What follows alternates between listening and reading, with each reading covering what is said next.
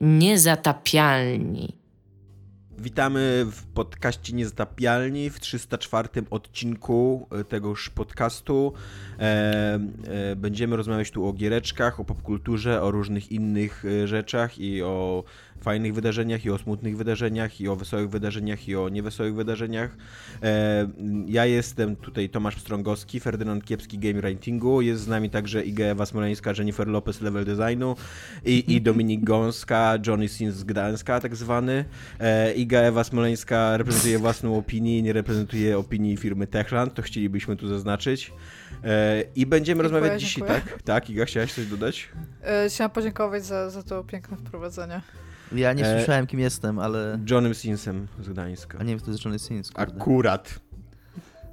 Wygooglaj sobie.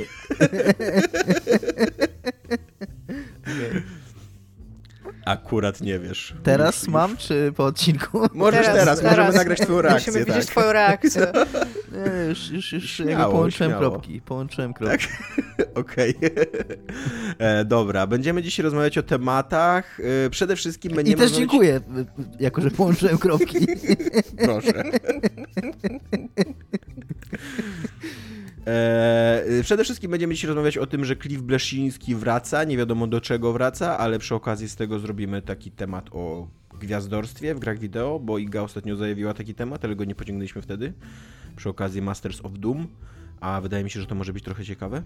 E, Będziemy rozmawiać mm, o plotkach na temat Alana Wake'a 2 i być może, jeżeli starczy nam czasu, będziemy jeszcze rozmawiać o Six Days in Fallujah znowu, ponieważ ludzie wybitnie nie chcą, żeby ta gra powstała. Jakby tam wydaje się, że wszechświat nie chce, żeby ta gra powstała, ale jest jeden człowiek zdeterminowany, żeby ona powstała i Tak właśnie, to jest troszeczkę tak, że ja nie wiem, czy ktokolwiek na nią czeka, ale jest bardzo dużo ludzi, Tak. którzy na nią nie czekają. tak, tak, jest... nie tak e, jakby e, ludzkość wysyła sygnał temu człowiekowi, który stoi za tą grą, a on bardzo, bardzo konsekwentnie nie odbiera tego sygnału. E, tak, ale zaczniemy od co jest grane, ponieważ jesteśmy w tej rzadkiej sytuacji, kiedy wszyscy graliśmy w dany tytuł, jest to Paradise Lost. E, będziemy rozmawiali teraz. Iga, tutaj się disclaimuj a propos Paradise Lost. No ja jestem e, blisko związana z e, głównym reżyserem tej gry, więc trudno mi mówić o niej obiektywnie, natomiast no mam o niej jakieś subiektywne odczucia względem tej gry, natomiast chciałabym, żeby, żeby ludzie sobie zdawali sprawę z faktu, że to nie jest tak, że jestem typowo z nim związana, plus sam kod na grę również dostałam od tej danej osoby, więc nawet nią nie zapłaciłam pieniądzów. Tak. Dominik, bo to jest twoje, co jest grane, Paradise Lost, więc ty zaczynaj. E, jako, że nie znasz E, nikogo z ekipy, to tak. możesz zmiażdżyć tą grę. Nie znam nikogo- ich, anihiluj. Nie znam, nie znam nikogo z ekipy, i, ale również nie zapłaciłem z tą grę pieniądza. Dostałem od przedstawiciela wydawcy firmy All In Games, który do nas napisał.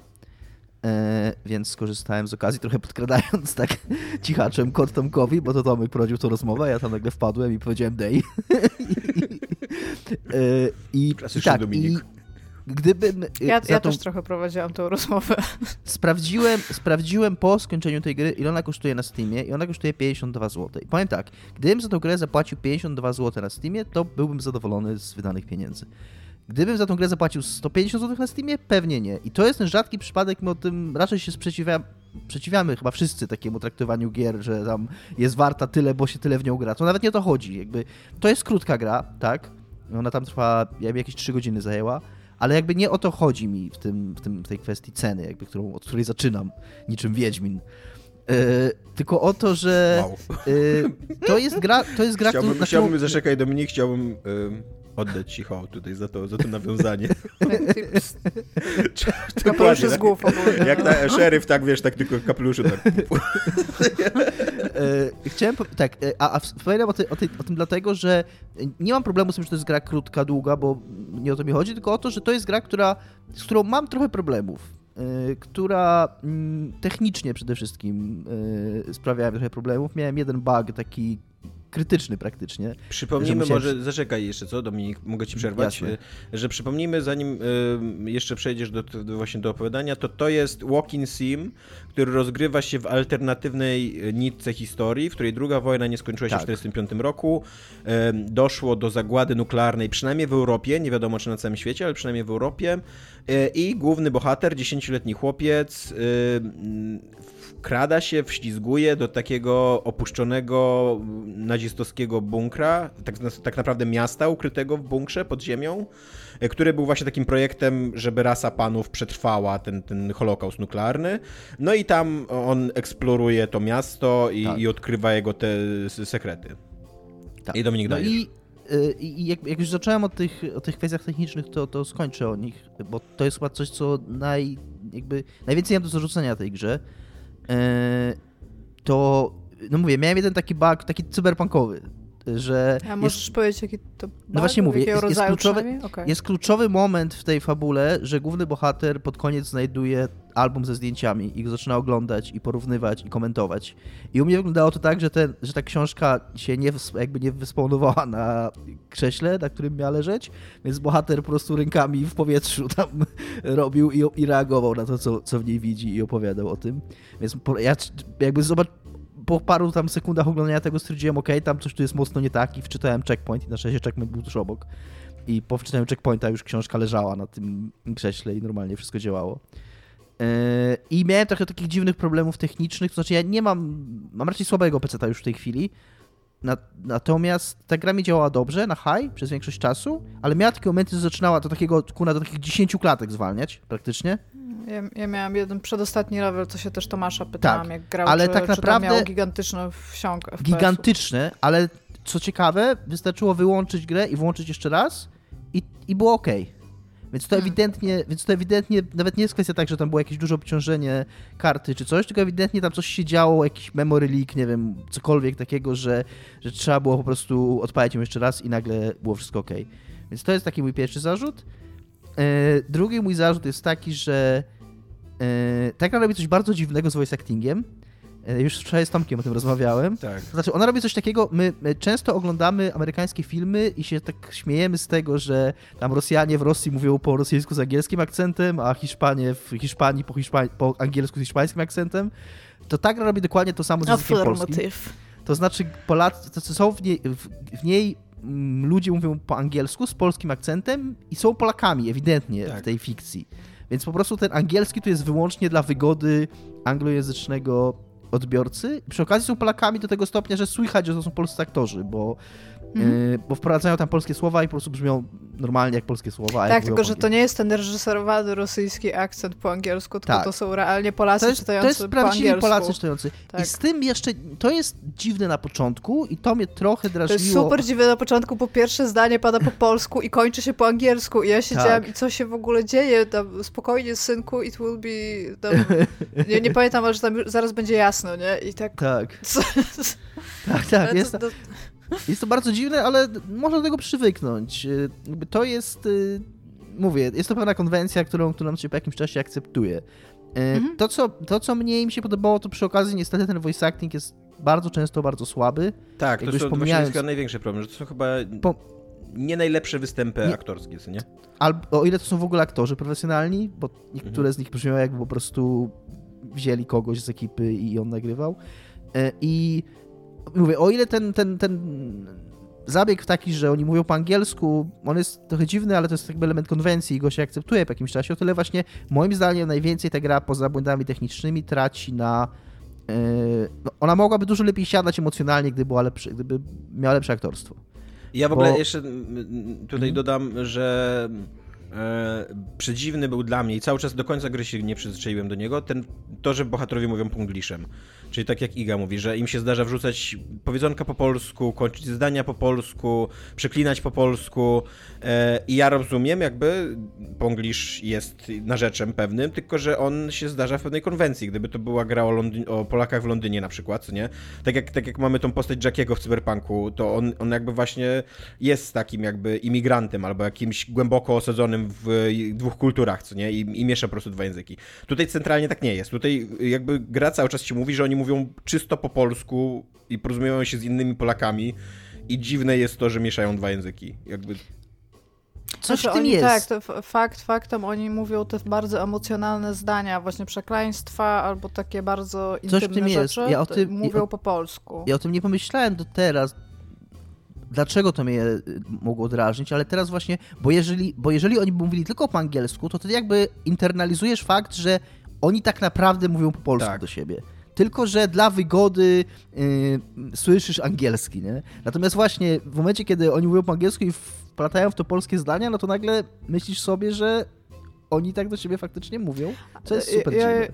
Jakby tak, tylko że też moim zdaniem tutaj te wtrąty po polsku mogły być. ja- akurat o tym nie wiem. Ja mało wiem o samej stricte produkcji tej gry, a tym bardziej o pisaniu scenariusza do tego, ale mi się wydaje, że to może być też taki ukłon troszeczkę dla angielskojęzycznej, y, jak się mówi, y, Publiczności. publiczności, która o ile wie, że to jest jakiś słowiański tam język, to dostaje te takie jakby wisienki Ja po ogóle- polsku raz na jakiś czas, ale tak, zgadzam się z wami, jest, jest to dziwne. Chyba w recenzji na IGN albo jakiejś innej, bo obejrzałem sobie ze trzy takie wideo recenzje później, jak przyszedłem tą grę. E, w ogóle padło takie zdanie, że tam też właśnie krytykowali voice acting, że e, e, interesująca byłaby decyzja, gdyby nagrywać dialogi po polsku, bo to by pozwoliło temu recenzentowi, który był anglojęzyczny, e, bardziej się wczuć w, w świat przedstawiony. I to była taka ciekawa uwaga. Tylko e, ja jako, no, jako Polak, e, przedstawiciel tej kultury, która nie jest zbyt popularna na świecie, wiem, że to byłaby strasznie ryzykowna decyzja, co nie? Hmm. Więc Ale mi się, że... pomijając... No, No, skończ, skończ. Nie, no wydaje mi się, że to było takie, wydaje mi się, że to było takie e, łaskawe, łaskawa, łaskawa opinia od kogoś, kto jest przedstawicielem anglojęzycznej kultury, co nie? Kto może, może nie do końca sobie zdaje sprawę, że e, nie, być może wcale byś nie zagrał w tą grę, gdyby ona była po polsku cała. Tak, tak. No i wracając teraz do tego, od czego zacząłem, czyli od tego, że ta gra Smutne, ale tak, no. że ta, że ta gra jest relatywnie tania, no to jednak jak się kupuje grę za 50 zł, to na jakieś takie drobne niedociągnięcia, czy takie niedoskonałości, czy takie uchybienia może w sztuce jest się dużo bardziej skłonnym je wybaczyć i dużo jakby cieplej patrzeć na to, co jest w tej grze dobrze, co jest, tej, co jest w danej grze dobre, a w tej grze jest sporo dobrego. Ja się naprawdę, koniec końców, jakby kiedy to wszystko zostawić na bok, się naprawdę dobrze bawiłem. Tam przyszedłem ją za chyba dwoma posiedzeniami czy trzema i tak byłem wkręcony i takie miałem poczucie satysfakcji na koniec. Tam jest fajna fabułka, nie jest absolutnie zaskakująca. Tam y, główny plot twist się domyślasz praktycznie od razu. On jest, on jest tak, Tak. wyłożony, Tak. on jest tak, tak, tak, tak mocno zasygnalizowany. Nie będziemy go spoilować oczywiście, ale on jest tak mocno zasygnalizowany, że, że on chyba nawet nie Znaczy- ma być... Jeżeli jakaś osoba przez ostatnie 10 lat była po prostu totalnie pod kamieniem tak i, i w ogóle nie miała do czynienia z takimi fabułami, to być może jest to dla niej zaskoczenie. Czy to miało być zaskoczenie, trochę nie wiem.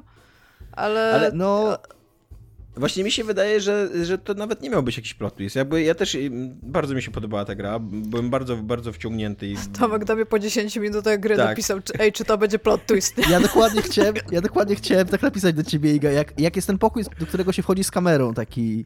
Yy, Ale Tomek dosłownie chyba po, dziesię- po pierwszych nie, ja 10 szybciej. minutach gry już Ja wiedział. szybciej, no. jak, jak pierwszy raz stajesz przed tym mikrofonem, to od razu tak, aha, okej, i A, już wiem. okej.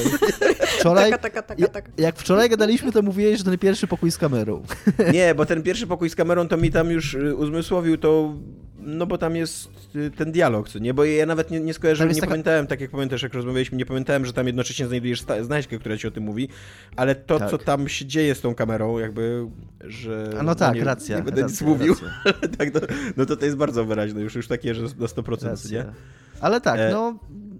Właśnie mi się, wydaje, mi się wydaje, że to nie miał być plot twist. Jakby y, i to, co mi się podobało w tej grze, że ona nie miała ciśnienia na plot twist, tylko y, jakby opowiadała pewną historię, sensownie rozlokowując wskazówki i, i jednocześnie te, te postaci były na tyle interesujące i na tyle dobrze rozwinięte i to całe tło jest, jest, jest fajnie poprowadzone, chociaż moim zdaniem y, trochę ta gra traci okazję do lepszego i bogatszego storytellingu takiego za pomocą Enviro.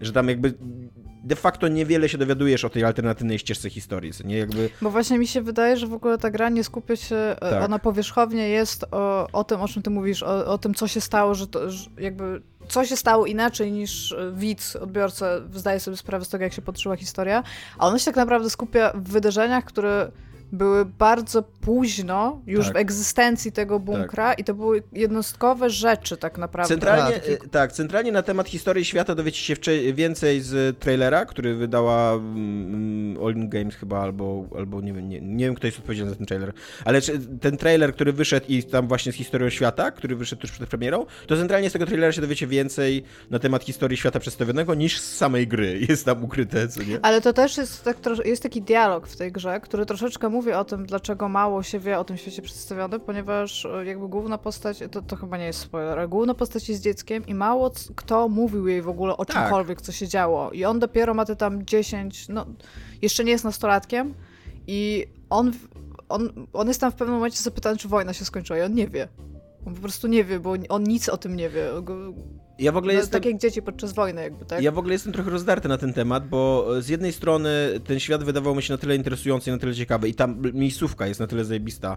Jakby ma tak, tak jak Dominik wczoraj mówił, że ma taki bardzo silny bioshockowy vibe i że Dominik za- zatęsknił za bioshockiem no. w ogóle Tak. przez tą. Ja w ogóle to E. było, jakby moje pierwsze odczucie to była tęsknota za Bioshockiem, jak zacząłem w to grać. Tak, to więc- więc- Andrew. Ryana tak za- zatęskniłeś? Ja w, ogóle, ja w ogóle na maksa myślałem, że ta gra wejdzie głębiej w ideologię nazistowską, że tak się też intelektualnie zmierzy z nazizmem, jak, jak Bioshock na przykład się mierzył z... Jak ona się nazywa? Ayn Rand, tak? Em, ale, ale tego tam prawie w ogóle nie ma.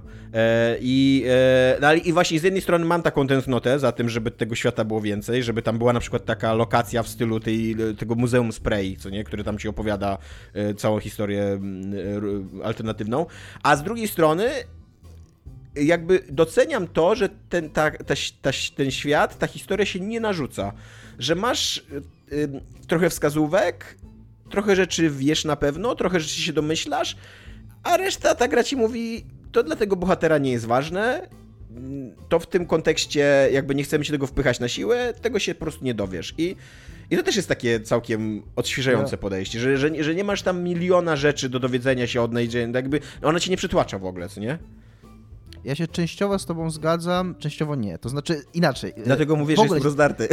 całkowicie się z tobą zgadzam, że, że, yy, że nie brakuje mi tego, nie brakowało mi w ogóle w tej grze rozszerzenia wizji świata. To znaczy ja kupiłem to takie, że jakby ten takie in media res, czy in media res, jak się mówi. Także jestem wrzucony w ten świat i że to nawet dodaje mu autentyzmu, że, że, nie, że wiesz, że wchodzę, no w rzeczywistości tak nie jest. Jakbyś się obudził tam, przeniósł w czasie do dzisiejszych czasów, to nie jest tak, że na każdym kroku byś widział, kurna, Tak. notatki z historią tego, co się wydarzyło, gazety, które ci opowiadają i tak, Tak, dalej. i jeszcze nie? takie, takie małe przemiany kulturowe, których ludzie by nie zauważyli, tam na przykład e, inne uściski rąk albo coś takiego, to tam I, nie, to i, coś i wszystkie gazety, na jakie byś wpadł, to one by akurat pisały o tych naj, najbardziej zwrotnych momentach w historii, co nie? Tak, tak. O, o, o, o 11 września na przykład, Tak. tam o, o wojnie w Iraku i tak dalej. Y, Więc to, to, więc, to moim zdaniem jest nawet na plus. Natomiast to, co z tego wynika, mm, że niestety trochę brakuje jak na ten gatunek w tej grze takiej radości z odkrywania. To znaczy wszystkie znajdźki, wszystko co tam jest w tym bunkrze, co tam znajdujesz, to ewentualnie może ci pomóc się szybciej domyślić czegoś, co się wydarzy w fabule, albo troszeczkę może więcej dowiedzieć o głównych bohaterach tej fabuły, ale nie wnosi żadnej nowej treści. I tutaj znów niestety trzeba wrócić do Gone Home, ale Gone Home to gra wybitna i, i w tym gatunku trudno do niej w jakimś momencie nie wrócić, jak się rozmawia o tym gatunku. I w Gone Home miałeś te momenty o ojcu, o o, o tam potencjalnym rozwodzie, o jego karierze pisarskiej, takie, takie rzeczy, które dawały ci radość i nagradzały twoją ciekawość, że gdzieś wlazłeś, gdzieś coś znalazłeś, coś obejrzałeś i czułeś taką satysfakcję z, eksplorowania tej lokacji. Tu niestety tego nie ma, jakby satysfakcja z eksplorowania jest tak czysto wizualna. Natomiast miejsce wygląda super, naprawdę. Zwłaszcza, że, y, zwłaszcza, że mm, jakby te, te okazje do storytellingu za pomocą y, y, otoczenia, one są, totalnie są w tej grze, tylko one są totalnie niewykorzystane, bo tu są plakaty na ścianach, jest mnóstwo dokumentów różnych porozrzucanych, gazet i tak dalej, tylko one po prostu są nieinteraktywne, co jest też dosyć dziwną e, decyzją jak na Walking Sim, że widzisz dokumenty, y, stół za, założony, na, na stole cztery dokumenty i tylko jeden z nich jest aktywny, co nie? To jest takie, takie mało, mało intuicyjne. E, Jest w tej ale- grze też jest w tej grze zagadka, w której trzeba przetrzeć kamerę szmatką i totalnie normalnie na poręczy koło tej kamery leży szmata, jakaś, jakaś koszula, nie? ale nie możesz to jest tak, to jest w ogóle tak, to jest bardzo, teraz mi się to przypomniało jakoś tak losowo, ale to jest jedna, jedyna taka totalnie przygodówkowa zagadka, że musisz znaleźć dwa konkretne przedmioty. Tam mógłbyś użyć totalnie czegokolwiek innego, co jest w tej lokacji, żeby to Rękawa zrobić. Rękawa byś mógł użyć. Do, Dokładnie, ale na, a jeszcze przy okazji mówię, tam jeszcze przy okazji ta koszula leży, taka biała, jeszcze żeby cię kurna, chyba jeszcze, żeby cię jeszcze To jest symbol polski. Mogłem się śmiać polski, Ta takie lol jeszcze powinno być. Więc to mnie trochę, to mnie trochę tak, nie chcę powiedzieć, że w, nie wkurzyła ani nic, bo tam to nie było trudno znaleźć, ale, ale to było takie dziwne. Tak, ale właśnie, bo tak, bo mówimy, że to jest dobra gra, ale głównie narzekamy, to ja powiem, y, na przykład strasznie mi się podoba wykorzystanie ścieżki dźwiękowej, wykorzystanie muzyki w tej grze.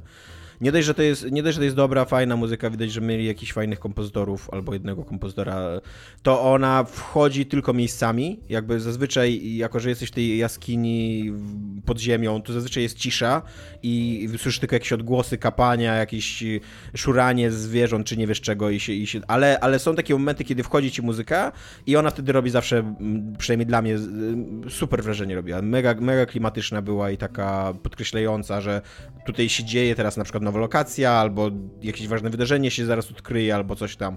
E, no i, i, i te, mm, to miasto, ono też jakby y, to jest, takie, to jest taka lokacja, która nie ma żadnego gorszego momentu, moim zdaniem. Że totalnie jak wchodzisz, to od, od, pier od pierwszego momentu do ostatniego momentu gry wierzysz w cały ten podziemny bunkier, mimo, mimo że on z, z punktu widzenia geologicznego, jak to Dominik też jest, ono trochę nie ma sensu, jakby. Nie, nie. To, to, się dzieje, to się dzieje w ogóle w alternatywnej rzeczywistości, nie tylko w której wojna się nie skończyła wtedy, kiedy się skończyła, ale również kiedy teoria pustej ziemi jest prawdziwa chyba. tak. Ale właśnie, ale y, jakby y, sukcesem tej, tej lokacji, sukcesem y, grafików i, i, i, architektów pracujących przy tej grze jest to, że, że ja w ogóle totalnie, totalnie ani przez moment nie, nie wątpiłem w, to, w tą w tą lokację. Nie tylko byłem mega zafascynowany, mega, mega wciągnięty, zastanawiało mnie, jaka będzie następna lokacja, jaki będzie kolejna dzielnica tego tam no miasta trochę, co nie, e, jak ona zostanie przedstawiona i tak dalej. I, i jakby żadna, żadna też nie rozczarowywała, nie? To nie było tak, że o, ta jest nudniejsza, to tam przejdzie, przejdą szybciej i, i, i pójdę do następnej, nie? I no, i ja, ja byłem tak, ja byłem, ja naprawdę się świetnie bawiłem, ona, przede wszystkim ona jest mega klimatyczna i, i to się udaje też, jakby przez całą grę udaje się to pociągnąć. Nie, nie ma takiego momentu, kiedy, nawet jak jest taki, taka zmiana tonu, bo tak jak, tak jak e, Iga mówiła, że to nie jest gra o alternatywnej historii, to jest gra bardziej o ludzkich historiach i ona na początku zdaje się być grą o alternatywnej historii. Na początku się dowiadujemy trochę więcej o tym bunkrze, o jakichś tam planach jego zaludnienia i tak dalej, a później ona powoli zmienia, mm, zmienia nastrój i zmienia, zmienia jakby kierunek, w którym podąża. I to też to w ogóle mi nie przeszkadzało. To było bardzo naturalne, bardzo, bardzo sensownie poprowadzone.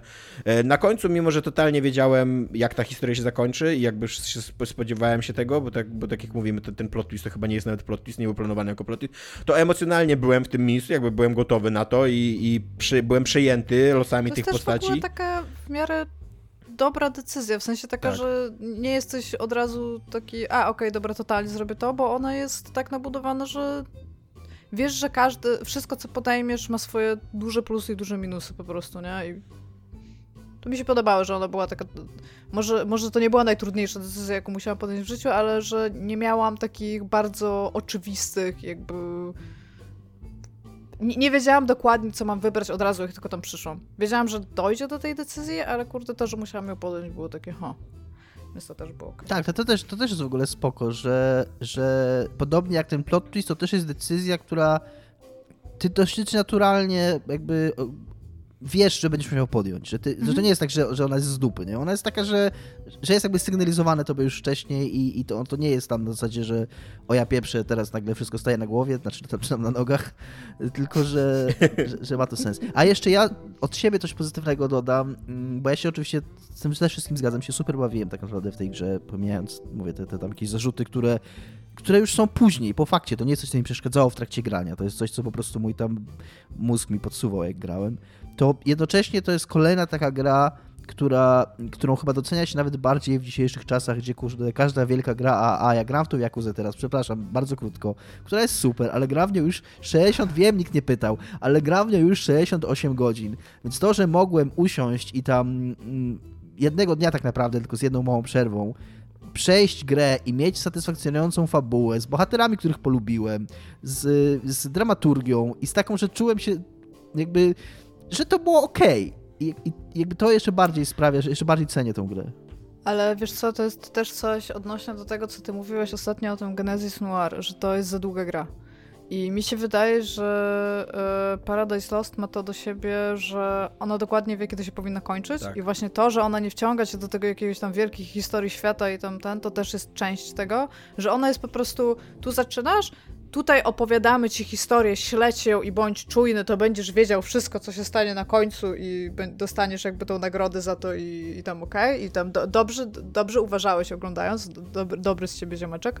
No i potem masz na końcu jakby, to jest, to jest zakończenie, to nie jest zakończenie jakiś znaczy ono, ono jakby tak, podejrzewa to, przyszłość, to tak, ale tu, to jest tak jakby to jest się, koniec twojej historii. Tu nie no? kończy się świat, który wymyśliliśmy, ale tu kończy się historia tych bohaterów, których ci przedstawiliśmy, tak. nie? I jakby, i to jest takie uczciwe, opowiedzieliśmy tak. ci historię.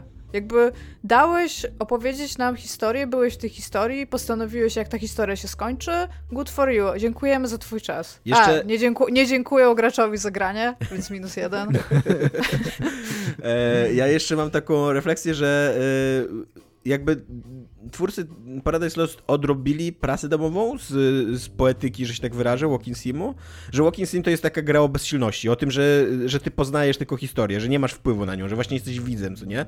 I ona tutaj totalnie o tym jest. Nawet w pewnym momencie ci wprost mówi gra, że że chyba musimy, znaczy, że jakby z szacunku dla cierpień, które się wydarzyły tam w pewnej lokacji, wypadałoby poznać historię ludzi, którzy, których to dotknęło, co nie? I ona tak o tym jest, ona jest właśnie o tych ludziach, którzy tam żyli, o Niemcach, Polakach, mm, o tym, co tam się wydarzyło, o tym, jakie zło ich spotkało, o tych, jakie zło oni wyrządzili i, i, i właśnie to, tak mi się podoba, podoba mi się to, że ona no ma takie taki szacunek dla krzyw, które zostały wyrządzone. Co nie? I to też, to też jest ważne, zwłaszcza, że to jest gra o um, nazizmie i o tym też, też o, o, o, tej jakby okropnej twarzy nazizmu, o, o zbrodniach nazizmu. I bo, jakby... to, nie, bo, to, że nie, bo to, że nie o tej miłej, sympatycznej uśmiechniętej tak. twarzy nazizmu. Być może nie najlepiej się wyraziłem, ale jakby jest to gra o nazizmie i, i, i, i z szacunkiem mówi o ofiarach nazizmu. Z szacunkiem mówi...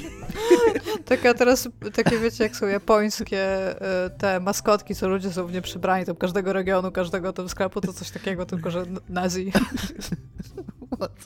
no, nieważne. No, być może się nie do końca dobrze wyraziłem, Iga, ale pociągnęłaś to moje, to moje, to mój okład w bardzo, bardzo, bardzo okład kierunku jeszcze. Po to tu jestem, po to, po to mnie zatrudniacie tutaj. Więc tak. Y no, to tyle. Mamy coś jeszcze do dodania? Ja już nie mam chyba nic więcej. Bardzo polecam. Ja bardzo, się, ja, bardzo się dobrze bawiłem, naprawdę. Ja mam tylko do dodania, jakby Państwowa Inspekcja Pracy słuchała tego podcastu, że nie zatrudniamy IGI, żeby, żeby nam tu nie zaczęli, że, że mamy ZUS zacząć płacić czy coś. Zwolniłeś mnie właśnie do mnie? dlaczego nie, ja nie rozumiem tego dowcipu, dlaczego nie zatrudniamy No, że nie, nie jest No bo sam fakt zatrudnienia musiałobyś mieć chyba zarejestrowany ten, Tak, umowa o pracę, ZUS no. odprowadzony, wiesz, zatrudnienie to się wiąże z pewnymi obowiązkami Aha. pracodawcy. Rozumiem. A myślę, że tak, urządy nas słuchają i czekają po prostu tam, jak z nas ściągnąć jakiś pieniądz. No tak, mi się ogólnie ta gra tak, tak subiektywnie mi się podobała. Tak, e, byłam super weirded out przez voice acting, ale tak jak Dominik powiedział, po jakichś 15 minutach już byłam jak okej, okay, nie, nie, nie, niech będzie, tak, już, już jestem tutaj na tym rollercoasterze zabawy, już nie jest, dalej. To jest gra, która przede wszystkim, y, to jest takie strasznie nie... nie mm, niekonkretne, co powiem, ale totalnie czuć, że ona ma serce. To jest taka gra, że, że tak, że widzisz pasję ludzi, którzy za nią stali, widzisz y, bohaterów, y, których oni chcieli stworzyć, pełnowymiarowe postacie i, i, i czujesz, że tam, że ona ma swoje wady, tak jak Dominik mówi, ale totalnie można to wybaczyć, co nie? Bo, bo ona ci proponuje coś więcej. Ta historia tej gry jest też taka dosyć złożona, bo ja pamiętam jeszcze, zanim ten mój bardzo dobry tam przyjaciel zaczął tam w ogóle być w tej firmie, to ona podróżowała e, po różnych e, takich miejscach typu Gamescom i takie demo można było grać. I to demo nic nie miało wspólnego z tą grą, którą mamy teraz. Znaczy tam oczywiście były jakieś bardzo e, takie szczegóły, które byś mógł zauważyć, ale to nie było w ogóle to. Więc ona była chyba w ogóle przepisywana z dwa razy, nie? Ona powstawała Więc- bardzo długo, tak. Tak, to też powstawała i w ogóle ona by też była wydawana mega długo. Ona była skończona bardzo, bardzo dawno temu. Ona wy wydana bardzo późno została, co jest tak dosyć weird. No, ale jest już, możecie kupić. Gra się nazywa Paradise Lost, powtarzamy tytuł. Tak. Tymczasem y, w grach wideo dzieją się gwiazdy rockowe y, albo gwiazdy growe. E, Cliff Bleszyński, taki człowiek, o którym mogliście zapomnieć, teraz Iga wam o nim przypomni. Iga, go. Clifford Bleszyński, który w latach 90. jeszcze bardzo mocnych pracował w Epiku. I zrobił jedną giereczkę, z której nikt nie pamięta, a potem zrobił Jack Jazz Rabbit 2, za które kupił bodajże pierwsze mieszkanie i pierwszy samochód. To, to były fajne czasy, że mogłeś sobie zrobić Jazz, jazz, jazz, Jack Rabbit. 2? Nie, nie, jeden. Dwa to jest moja ulubiona część i zawsze to za mną chodzi. Jak już, jak już mówię Jazz Jack Okej, Rabbit, to dwa Nie, na samym się, końcu. bo się zdziwiłem, że Pierwszego, może pierwszego, tak. robił. okej. I, e, I potem został z Epikiem na bardzo, bardzo wiele lat. Robił Unreal, ale najbardziej znany jest z ulubionej e, i zawsze obecnej w sercu Dominika grze Gears of War. A po której to między innymi powiedział, że jest mu trochę przykro, że będzie pamiętany w, w historii głównie przez to, że wsadził piłę mechaniczną na broń, a co uważam, że jest bardzo dobrą rzeczą, żeby Tak. być Ktoś pamiętany musiał w to historii. zrobić, ktoś musiał to Tak. zrobić po prostu. Ja uważam, że to jest, że to jest, że, to jest po prostu taki honor dla ludzkości, że, że jest taka osoba. A, no i Tak, osoba, był, był, też... był w, w historii był na przykład taki człowiek, który na kromce chleba położył e, plasterek sera, a później plasterek wędliny i tak, tak wynaleźliśmy kanapki i też, mo, też To być może... John e, Kanapka. Tak, John Kanapka, nie? Też być może on wolałby być zapamiętany za coś innego w historii, ale po, po latach trudno nie docenić jego wkładu, co nie dla rozwoju ludzkości. Więc myślę, że Blesińskiego też tak będziemy wspominać. Tak, i w ogóle występujący też bardzo długo pod pseudonimem Cliffy B. Ja mam, ja to już w ogóle wielokrotnie mówiłam, ale ja mam taką trochę, y, może nie słabość, ale ja, ja lubię Cliffiego. W sensie właśnie ze względu na to, że jak ja o nim zaczynałam tam czytać kiedyś, to on był takim, takim dorkiem, nerdem w liceum i właśnie go przezywali Cliffy B, ale to miało być takie pejoratywne. I on to przekuł w taką swoją personę, że on będzie Cliffy B, po czym lata 90. się skończyły i stwierdził, że może to taka trochę lipa występować jako Cliffy B, więc był już Clifford Bleszyński albo Cliff Bleszyński po prostu. No i on w pewnym momencie miał taki...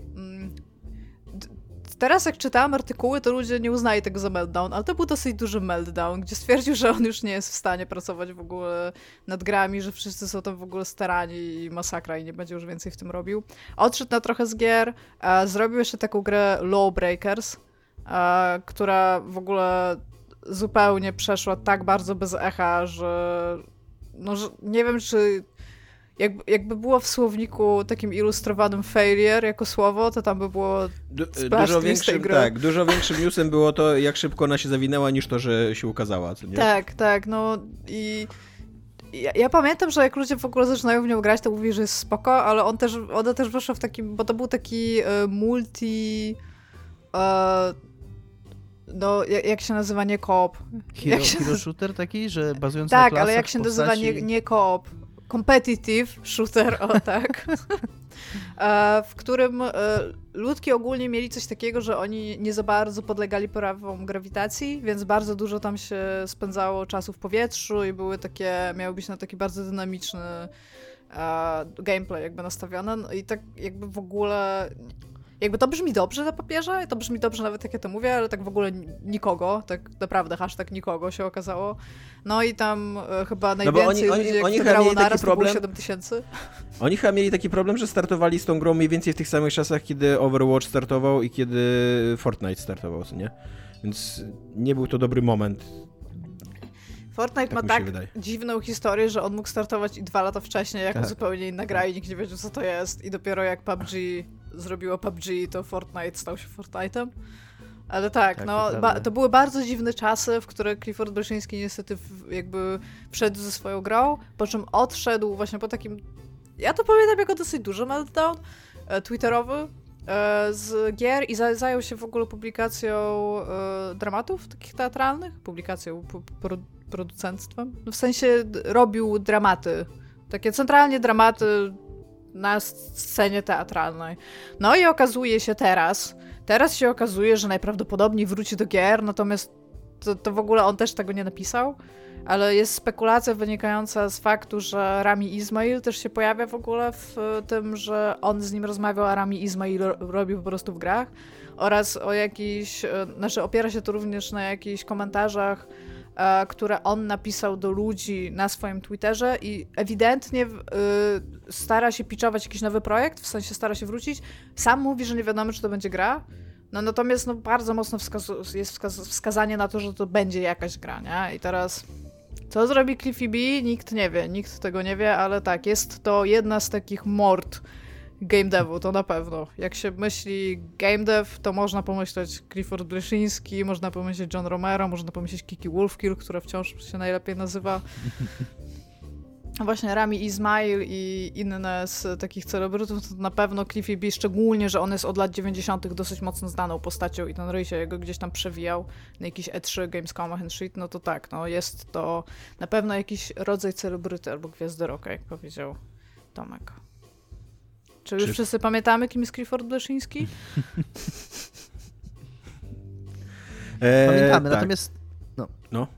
Dominik, ja się zastanawiam, e, jakby nawiązując do tego, do tego mm, rockstarowości e, designerów, to są tacy designerzy, powiedzmy, rockstarzy, którym, którzy oprócz to tego, jest bardzo dziwne, że używasz tego, jako że jest firma Rockstar. A to prawda, no. Którzy są takimi rocka. gwiazdami, którzy są takimi gwiazdami rocka, którzy są takimi celebrytami, ale jednocześnie o których wiemy, mamy, wiemy coś na temat, jakimi są twórcami. Na przykład David Cage. Lubimy go czy nie lubimy, ale wiemy, co on robi.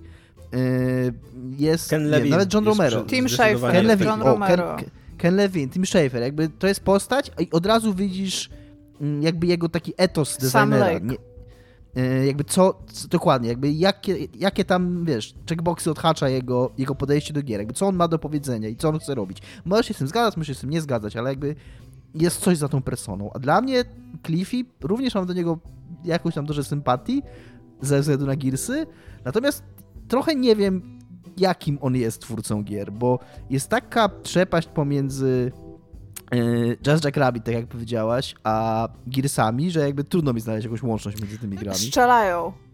Strzelają. Strzelają. A no. jednocześnie, no. a jednocześnie Gearsy przy całej ich, jej, mm, przy całej mojej sympatii do Gearsów, to, to jest gra, którą moim zdaniem robi detal, czyli robi to, że ktoś tam siedział i projektował, jak się strzela, jak się chowa za osłonami, taki, taki game design, ale taki game design rozumiany nie jako game design taki szeroki, mm, albo mądrze powiedzieć holistyczny, tylko bardziej game design rozumiany jako taki, że siedzę faktycznie w Excelu i kurna ustawiam tam y, milisekundy opóźnienia na strzelaniu i jak trzeba znaczy, przeładowywać i tak dalej. Ge Gears of War w ogóle miało wyjść jako kolejna jakiś tam spin-off e, uniwersum Unreal'a, w sensie tego tam nie silnika, tylko tego e, piu piu Unreal'a i e, oni w ogóle zaczęli to szlifować i w tym czasie wyszedł jakaś taka, jakiś taki cover shooter w ogóle niezwiązany z niczym oraz przesunęli kamerę jakby za plecy i to jakby zaczęło ugruntowywać, że to będzie coś innego, nie? Więc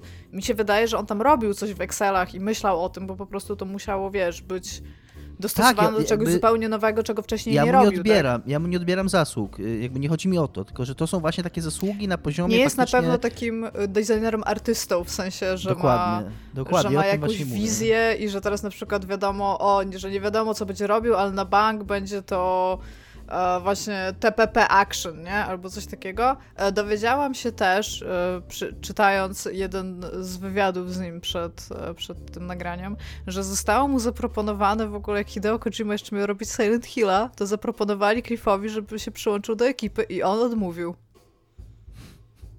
I co wy na to?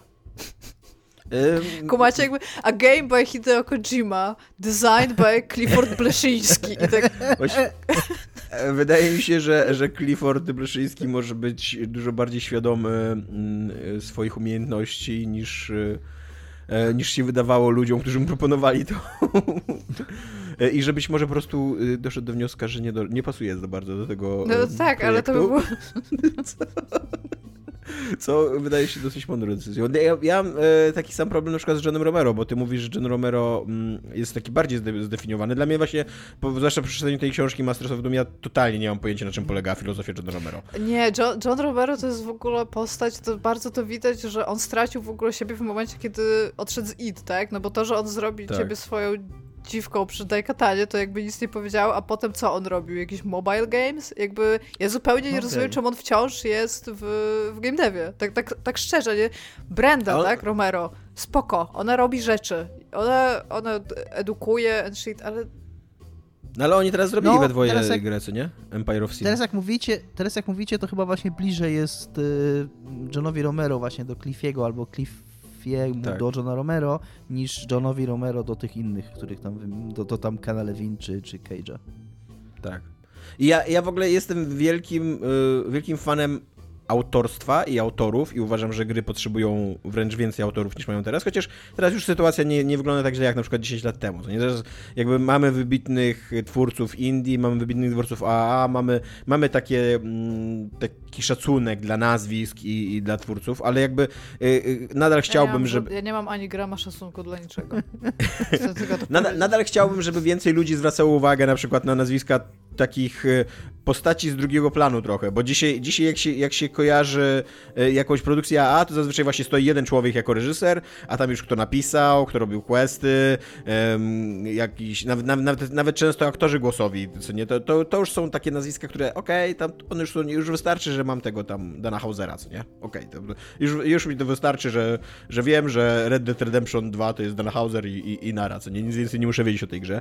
E, ale z kolei jestem wielkim przeciwnikiem, ale to chyba nie tylko, mm, nie tylko w grach wideo, właśnie takiego gwiazdorzenia, takiego y, robienia z odrywania trochę twórcy od jego, mm, od tego, co on autentycznie robi i robienia z niego no po prostu gwiazdora. Jakiś, tak, jest, jest, jest tym jakaś taka straszna pustka, co nie? Taki jakaś celebroza. I nie wiem, nie wiem, czy gry wideo tego potrzebują. Wiem, że wiem, że mamy to na przykład w literaturze i literatura w ogóle tego nie potrzebowała. I, i no i, i, i, słabe to jest i nie lubię tego. I właśnie to jest, to jest chyba w ogóle też takie szkodliwe dla tego Cliffiego B, bo ja wierzę, że on jest, y, że on się zna na swojej robocie, że on jest super facetem i że, że pracował przynajmniej przy kilku rewelacyjnych projektach. E, i pewnie miał tam jakiś bardzo duży wpływ na nie, a kojarzę go, kurde, z tym typem, który się sfotografował, kurde, z karabinem, z piłą i, i, i, i mówił o tym, że mowa się, że, że ma jakiś Lamborghini, coś takiego, nie pamiętam. Albo tak samo John Romero, co nie? Kojarzę z tym, że, że uwielbiał, kurde, wielkie samochody i chciał zrobić z nas swoje dziwki. E, znaczy nie wielkie samochody, tylko szybkie samochody i chciał zrobić... A, a nie mam pojęcia, jakim on był twórcą, artystą. I, I to chyba wynika z tego, że ta właśnie persona gwiazdorska przesłania jego pracę jest to trochę, znaczy zgadzam się znowu, a, a trochę się nie zgadzam, bo, bo jednocześnie być może, szczególnie w tamtych, jeszcze dzisiaj trochę oni, czy nie jest trochę tak, inaczej powiem, czy nie jest trochę tak, że Clifford swoją piłą i John Romero swoim Ferrari trochę wyrąbali drogę dla tych twórców, że, że na początku trzeba było jednak chwycić zainteresowanie tym, że ja mam piłę na karabinie i mam szybki samochód i zarobiłem dużo pieniędzy, żeby się przebić w ogóle, że gry robią ludzie i że ci ludzie mają coś do powiedzenia i że oni trochę wyrąbali ścieżkę, że teraz może ci mniejsi gracze, może ci niezależni twórcy mogą już występować pod nazwiskami i mogą jakby być ludźmi. To był taki problem, jak Lucas Arts robiło przygodówki, to Tim Schafer, jak się nazywa twój mąż, Dominiki? E, Ron Gilbert? Tak, Ron Gilbert i Tim Schafer Jest... bardzo chcieli, żeby ich e, imiona i nazwiska były na, e, na okładkach. W sensie, że jak kupujesz, to żeby było wiadomo, że to są gry, które oni stworzyli. I to był gigantyczny problem. Nikt, nikt się na to w ogóle nie chciał zgodzić, bo gry to produkt, a nie, nie dzieło jakby, nie? Więc... Tylko tyle chciałam powiedzieć. Znaczy, ja się, ja się tutaj będę znowu rozdarty, bo z jednej strony się zgadzam z tą Dominiku, że być może takie y, supernowe gwiazdorskie są potrzebne, żeby jakieś mniejsze gwiazdki, bardziej merytoryczne gwiazdki mogły zabłysnąć, w ogóle na, na, na nieboskłonie, na gwiazdoskłonie, na gwiazdozbiorze. e, być może, ale z drugiej strony, tak jak mówi, tak jak mówi Iga, nawet w tych czasach e, antycznych e, Gierkowa e, byli jednak ludzie, którzy byli cenieni jednocześnie za popularność, ale jednocześnie też kojarzeni z tym, co robią i, i jaką mają filozofię i jaką, jaki chcą sprzedać. Co nie właśnie Tim Schafer to też był przykład, który chciałem podać i Ron Gilbert. E, ci ludzie z, ze Sierry, to też, nie, ja nie pamiętam ich nazwisk, ale wiem, że oni... Roberta jakby- Williams na pewno była. I Roberta Roberta Williams, była tak. zawsze nazwiskiem. Była Tak, zawsze nazwiskiem. ich nazwiska było, by, by, by, były popularne. Will Że Wright. Nawet, Will Wright e, jest ważną postacią. Ma Max is Forever. Ostatnio E. znowu skończyłam Simant, przepraszam, już skończyłam. E, Shigeru Miyamoto, co nie, to też jest taka postać. Nawet, nawet właśnie z tego Masters of Doom, nawet John Carmack to jest człowiek, któremu udało się nie być, e, nie być gwiazdorem, a jednocześnie być mega popularnym i w- kojarzonym ze swoją pracą, a nie ze swoją Ale z popularnością. geniuszem. Tak, no to prawda. No ale John Romero też myśli, że jest geniuszem, przynajmniej myślał wtedy. Myślał, tak. Więc wydaje mi się, że trochę masz rację, a trochę jej nie masz. Trochę się zgadzam, a trochę nie. No. Ogólnie dyskusja na poziomie, dziękuję, dziękuję.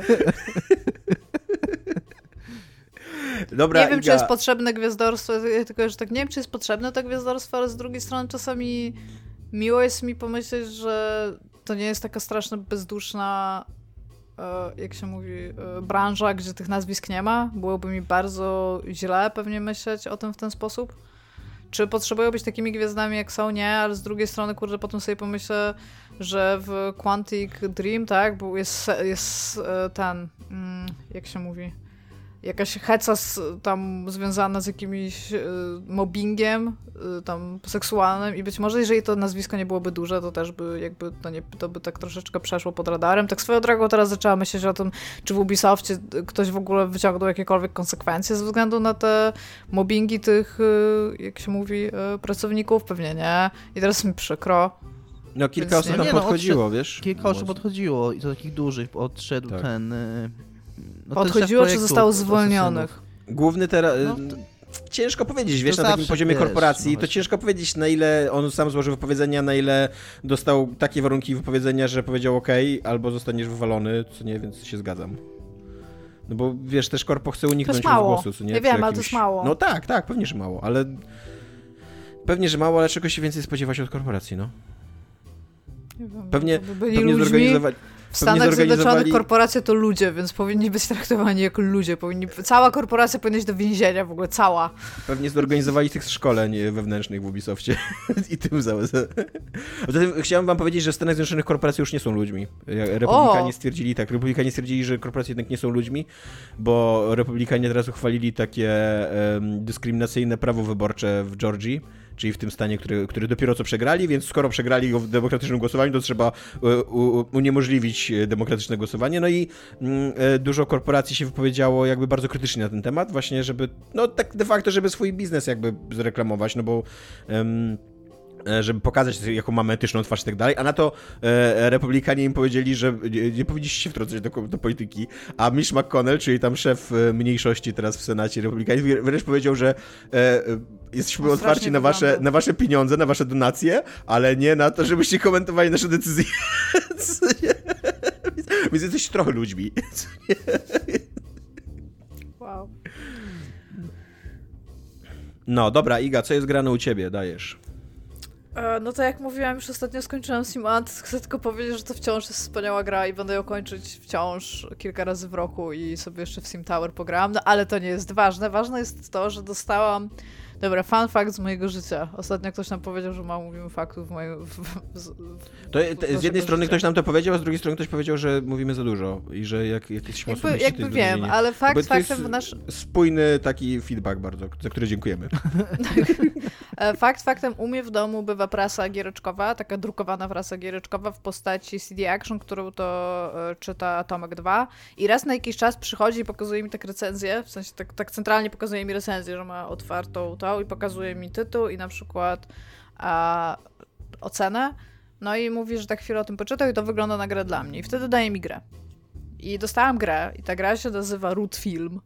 To jest wizualna walka, na PS4 ją mam i sobie, i sobie w nią grałam, przeszłam tam już e, jakby troszeczkę. I ona była określona w CD Action z tego, co mówił Tomasz, bo ja tej recenzji nie czytam, jako taki trochę horror, ale to jest taki typowo, naprawdę bardzo typowy murder my- mystery, taki dramat, na temat e, jakby studia filmowego, złożonego tak z czterech osób, więc to nie za duże studio filmowe, które ma stworzyć, słucham Tomaszu. Czy to jest przygodówka, czy to jest walking sim? Nie, to jest visual novel, tak jak Aha. powiedziałam.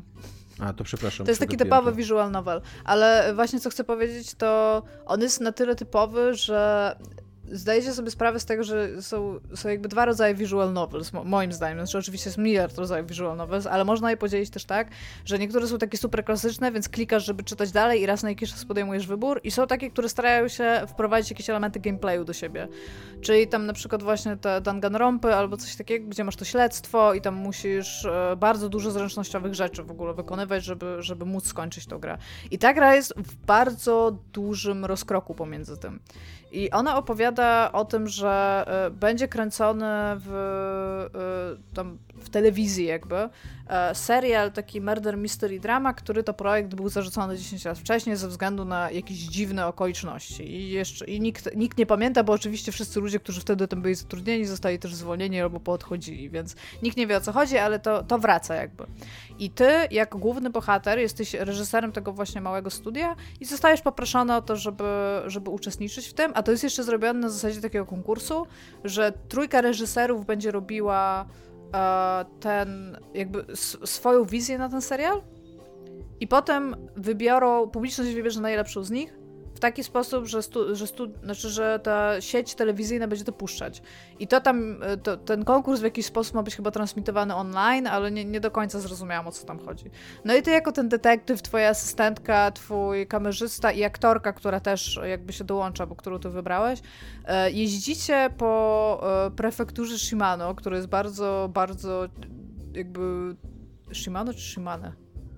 Jest, jest bardzo, bardzo jakby ważna tam, dlatego że oni ci sprzedają też bardzo dużo faktów na temat kultury tego regionu. I to jest po prostu tak jakby jakby jakaś turystyka tego regionu, bo to się w ogóle dzieje w Matsue, to jest moje ulubione miasto w Japonii. E, jakby turystyka tego regionu dała Ja bardzo też mam dużo pieniędzy. miasto w Japonii, co mi tam. Żeby to robić. I, znaczy, ja kocham Osaka. jestem tam... Jestem Zaklepuję. Tam, e, Osaka w ogóle śmierdzi psikami. W ogóle, ale, ale BFA teraz zacznie zaraz, please. Matsu jest do dupy po prostu. Matsu to jest najgorsze miasto na świecie w ogóle. Ty. Matsue ma najpiękniejsze zachody słońca w Japonii. Jest stamtąd Kyoji Yamamoto. I Lafcadio Harton bywa, no nieważne. Ptaki A- latają do góry nogami nad Matsu, bo nie warto się tam wysrać. Ty. Tyle ci powiem. Wow, w ogóle Jako bezstronny- miasta w Japonii. Jako bezstronny arbiter y, y, ogłaszam, że Tomasz wygrał tę dyskusję. Dziękuję. No trochę, ja trochę to wiem, ale no nie. No, w każdym razie y, gra się, tak jak mówiłam, nazywa Root Film. To jest tak naprawdę, jak się okazało, później druga część, taki jakby tematyczny spadkobierca gry, która się nazywa Root Letter. I tamta była o listach, a ta jest o filmach. I to jest super dziwna gra. I to w sensie super dziwna, nawet nie na takiej zasadzie, ja lubię dziwne gry, tylko trudno mi jest cokolwiek powiedzieć o niej, co, co by ją czyniło jakąś. Mi się w nią gra dobrze, bez względu na to, że jestem po prostu bombardowana informacjami na temat tego regionu, co uważam za dosyć cute i jest to fajna reklama. Przy okazji fajnie mi się gra w grę, gdzie ludki sobie chodzą po prostu po jakichś lasach w Japonii i sobie odpoczywają. To, to jest przyjemnie mi o tym pomyśleć po prostu teraz, że mogę sobie iść do świątyni i sobie zrobić zdjęcie tam z jakąś laską u mnie w drużynie, ale ona ma taki wielki problem, ta gra. Ta gra y, oscyluje pomiędzy takimi st- stricte visual... jaki ona ma problem? Jest osadzona w okolicach Natsu. Matsue. Matsu. Matsue. Ten, e, Nie, nie znaczy warto tak, zapamiętać w ogóle do, dokładnie nazwy tego miasta, jest tak ja kocham to miasto. Kocham to miasto, mam tam swoich przyjaciół, to jest super. Zadedykowałam temu miastu i moim przyjaciołom z niego moją pracę magisterską pierwszą nawet. No nieważne. Ja w ogóle nie wiedziałam, że to jest w tym mieście. Jak zobaczyłam to na mapie w ogóle, to jestem like, jo, i to w ogóle super radość. No ale w każdym razie, e, to ona scyluje pomiędzy takimi stricte visual nowelkowymi scenami, czyli jakaś postać mówi, jakaś druga postać odpowiada, jakaś trzecia postać tam też jest i, i tak się gada, ale ma jeszcze takie jakby fragmenty dochodzeniowe, gdzie musisz klikać na specyficzne rzeczy w, na ekranie, żeby, żeby typ ci coś o tym powiedział. I bardzo dużo tej gry to jest taki przestój, taki po prostu, że na przykład masz siedem lokacji, w których możesz coś robić i idziesz do, idziesz do nie wiem, którejś losowej, pomimo tego, że nie masz żadnego, żadnego indykatora, żadnego w ogóle nawet wspomnianego w, w tekście w ich rozmów, że na przykład może powinniśmy pójść tam, więc idziesz do którejś i na przykład tam ktoś jest, ale ty nie znałeś wcześniej tego typa, więc tutaj z nim rozmawiasz. Więc bardzo często to jest po prostu takie klikanie pomiędzy lokacjami, żeby coś się mogło stać. I ja co prawda przeszłam tylko tutorial i kończę jakby pierwszy taki prawdziwy rozdział, który się tam oczywiście składa na bardzo wiele różnych pomniejszych se sekwencji. I ten pierwszy rozdział był po prostu bardzo nieatrakcyjny, że tak powiem. On dawał ci e, historię, którą, w sensie zagadkę, którą znałeś rozwiązanie prawie od razu, ale twój bohater musiał do niego dojść, rozmawiając z bardzo dużą liczbą ludzi i na samym końcu masz taką mechanikę jakby jak fighting games, tylko musisz wybierać argumenty tak, żeby przekonać tego drugiego, że odkryłeś prawdę i jak, jak mówisz do niego takim argumentem, to się tak za serce łapie, że o Jezu, jak, ty mówisz prawdę? I wzrasta taki truth meter. I jak, i jak jest na końcu już, to odkryłeś prawdę i on ci wszystko mówi to, z czego to odkryłeś. No i mówię, to był tutorialowa rzecz i ona była strasznie niefajnie pokazana, do tego stopnia, że się zastanawiałam, jak ona może być bardziej atrakcyjna potem to teraz w tym drugim rozdziale jest troszeczkę więcej kombinowania, tylko jak mówię, na przykład jest typ do, i twój, twoja postać mówi w nawiasie, czyli myśli, że jakbym pokazał mu zdjęcie jednej z ofiar, to najprawdopodobniej ten typ byłby w stanie mi o niej powiedzieć więcej. Tylko to nie jest właśnie takie przygodówkowe, bo ja teraz wiem, że muszę mieć zdjęcie tej, tej ofiary, nie? Więc wracam do domu, gdzie ta laska mieszkała i szukam tam zdjęcia i chodzę po wszystkich pokojach i nic się tam nie dzieje, w sensie jest zupełnie uneventful, nie dostaję praktycznie żadnych opisów, ani nic takiego, więc stamtąd wychodzę. I jak tam wróciłam po 15 minutach po prostu głupiego łażenia, to mi się striggerowała scenka, w której rozmawiam z ziomkiem i on wychodzi i mówi mi, że jeżeli czegoś potrzebuję, to mogę poprosić taką uczennicę, która u nich mieszka. I oni, ona mi, yy, i ona mi ze wszystkim pomoże, więc idę do niej i dostaję zdjęcie. I jakby tu nie ma żadnej logiki, nie? W, według której otworzyło się to dopiero po tym, kiedy coś zrobiłam. I mam z tym gigantyczny problem, bo ta gra oczywiście według How Long To Beat trwa 16 godzin. Ja już wiem, że będę w nią grać 24, bo nie mam zielonego pojęcia, co ja robię przez połowę czasu. A w ogóle How Long To Beat to jest jakaś najgorsza rzecz, jaka, jaka ostatnio jest, wychodzi. Ona już mi nic, kurde, nie mówi. Nic mi to nie mówi. Czy ta gra trwa 5 tak. godzin, może mi dobrze trwać 8 albo 4,5, jakby... Sentinelsy miały trwać od 30 do 35 godzin, a trwało mi 47 godzin, a e, Paradise Lost miało trwać 3 godziny, a trwało 4,5 godziny dla mnie. Więc ja już jakby. Ja tam weszłam tylko i wyłącznie po to, żeby zobaczyć tak centralnie, że ta gra trwa. Dla mnie How Long to Beat to jest teraz kwestia, jeżeli coś trwa 60 godzin, to najprawdopodobniej trwa więcej, ale jeżeli coś trwa 10, to, to raczej nie będzie trwało 30. To jest, to jest centralnie to, do czego ja już mogę wykorzystywać How Long to Beat. Więc sobie w to pograłam, ale chciałam wam jeszcze. Podaj jeszcze raz e, tytuł. E, nazywa się Root Film. E, jak skończę, to może powiem więcej, ale chciałam wam coś jeszcze powiedzieć. Otóż, e, tak jak wiecie i o czym John Sterling już powiedział kilkakrotnie, więc jakby e, stwierdziłam, że w końcu to sprawdzę, schodzi sklep e, PlayStation z Vity. Więc wczoraj postanowiłam sobie wziąć Vita i zobaczyć, czy jest coś, co bym tam chciała pograć i żeby może to digitali kupić, nie? Więc siedziałam równolegle na Wicie, w internecie PSN-owym oraz na Allegro, żeby patrzeć, czy, się, czy, czy ma sens w ogóle kupować coś e, digital, bo czasami no po prostu na Allegro używka kosztuje taniej, żeby sobie coś, coś zrobić. I odnalazłam, e, to was bardzo ucieszy, oprócz tego, że znalazłam bardzo źle przetłumaczone opisy, które wam wysyłam, a które wy osikaliście znaczy, sikami. Ewidentnie, ewidentnie to jest Google Translate i czasami na przykład jest tak, mogę tak powiedzieć, że jest tak z grami mobilnymi często, że na przykład sklep y, danego wydawcy, na przykład Google Play, jest y, zorganizowany tak, że jeżeli gra nie ma opisu lokalizowanego w danym języku, to po prostu Google zakłada, że Google, wrzucenie tam opisu przez, zrobionego przez Google Translate jest dobrą alternatywą, że wiesz, nie jest. gra ma oficjalnie, gra ma oficjalnie tylko angielski y, opis, ale na polskiej stronie sklepu Google, Google ci wyrzuci Google Translate'a z tego angielskiego Bo opisu. Bo tutaj na przykład było napisane, że ta to gra może być podobna sytuacja. Nie? Ta gra pozwala użytkownikowi na interakcję z uroczych zwierząt na ekranie. Ta gra różni się od tradycyjnych domowych gier, w których zwierzę jest w pełni uformowane. Co wy na to? No dobra. Jestem kącik ust. Nie, nie byłem zszokowany tym. Jesteście straszni. No ale w każdym razie e, w związku z tym okazało się, że jedna z moich ulubionych e, e, serii takiego jakby granie w visual novelki do zasypiania, czyli e, Corpse Party, ma jeszcze jedną część i sobie ją zamówiłam i będę wam o tym mówić przez bardzo długi czas potem, bo to są takie, nie są najkrótsze gry i się tak już cieszę. Oraz dowiedziałam się, że y, część e, Corpse Party Blood Cover Repeated Fear to była przeróbka pierwszej części, o czym nie wiedziałam, natomiast ją przeszłam i wciąż uważam, że to jest bardzo dobry tytuł na gry.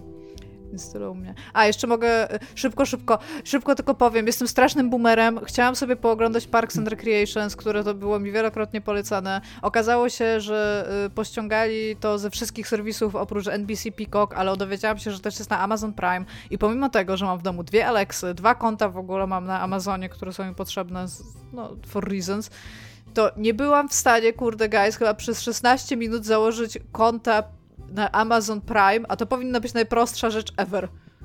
Dlaczego? Bo, tak. Jest ja... masakra po prostu. Nie byłam w stanie.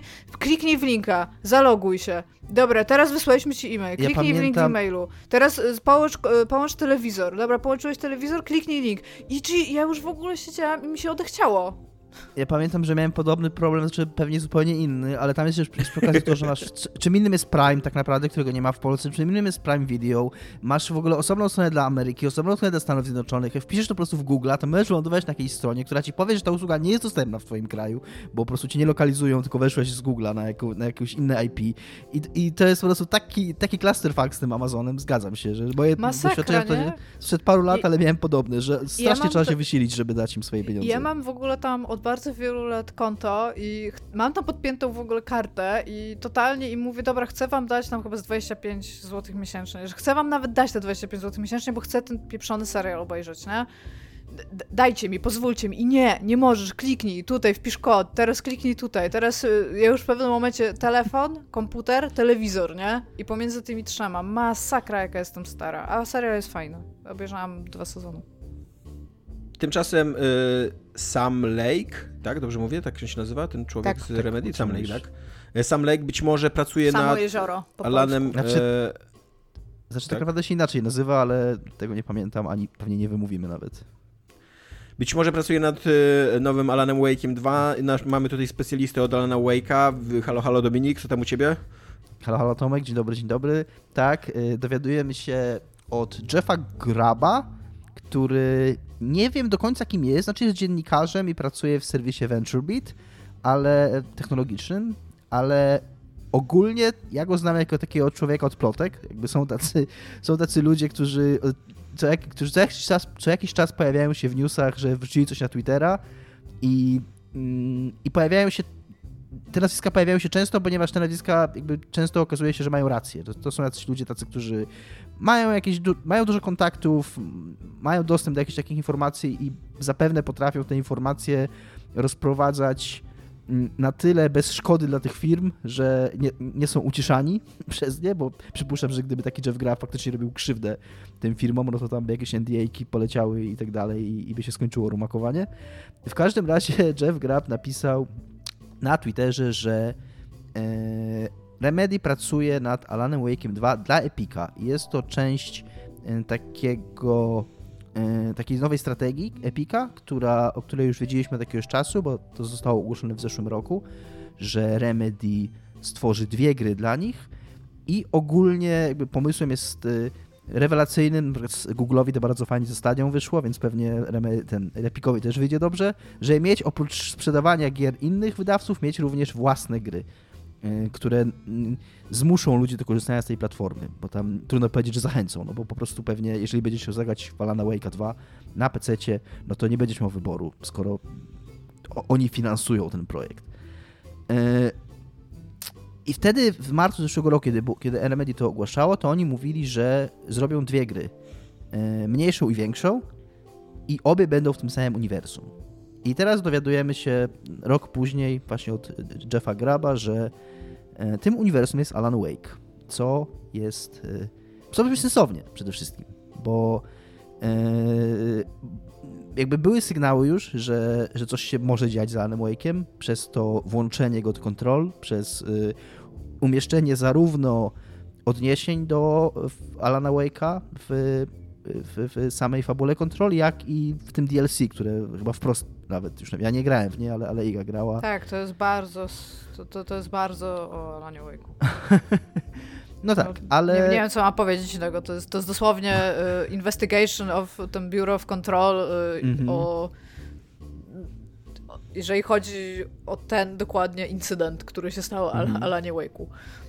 Tak, natomiast y, to, co mnie najbardziej ciekawi w tej Oprócz tego oczywiście, że, że jak najbardziej czekam na, na, na Alana Wake'a 2 i tam totalnie go remedy i, i, to jest gra, którą powinni robić i jeżeli Epic im daje na to pieniądze, to, to super, naprawdę. To, to Remedy pracuje nad strasznie dużą liczbą rzeczy teraz, jak na wydawałoby się relatywnie niewielką firmę. No nie jest to Ubisoft, tak? Nie jest to Electronic Arts, nie jest to nie wiem, no tam whatever, tak? Tylko, tylko jednak niezależny fiński, fiński deweloper e, i oprócz tego, że e, pracują nad tymi dwiema grami dla Epica, to pracują jeszcze nad kampanią dla pojedynczego gracza dla gry Crossfire X, czyli e, online'owego shootera popularnego w Korei oraz jakimś jeszcze projektem multiplayerowym, który Mm, nie jestem pewien, czy to jest właściwe wykorzystanie talentu Remedy. Mm, jakby... Nie, nie brzmi tak. Jeżeli chodzi o to, to tak totalnie nie brzmi, Dominik.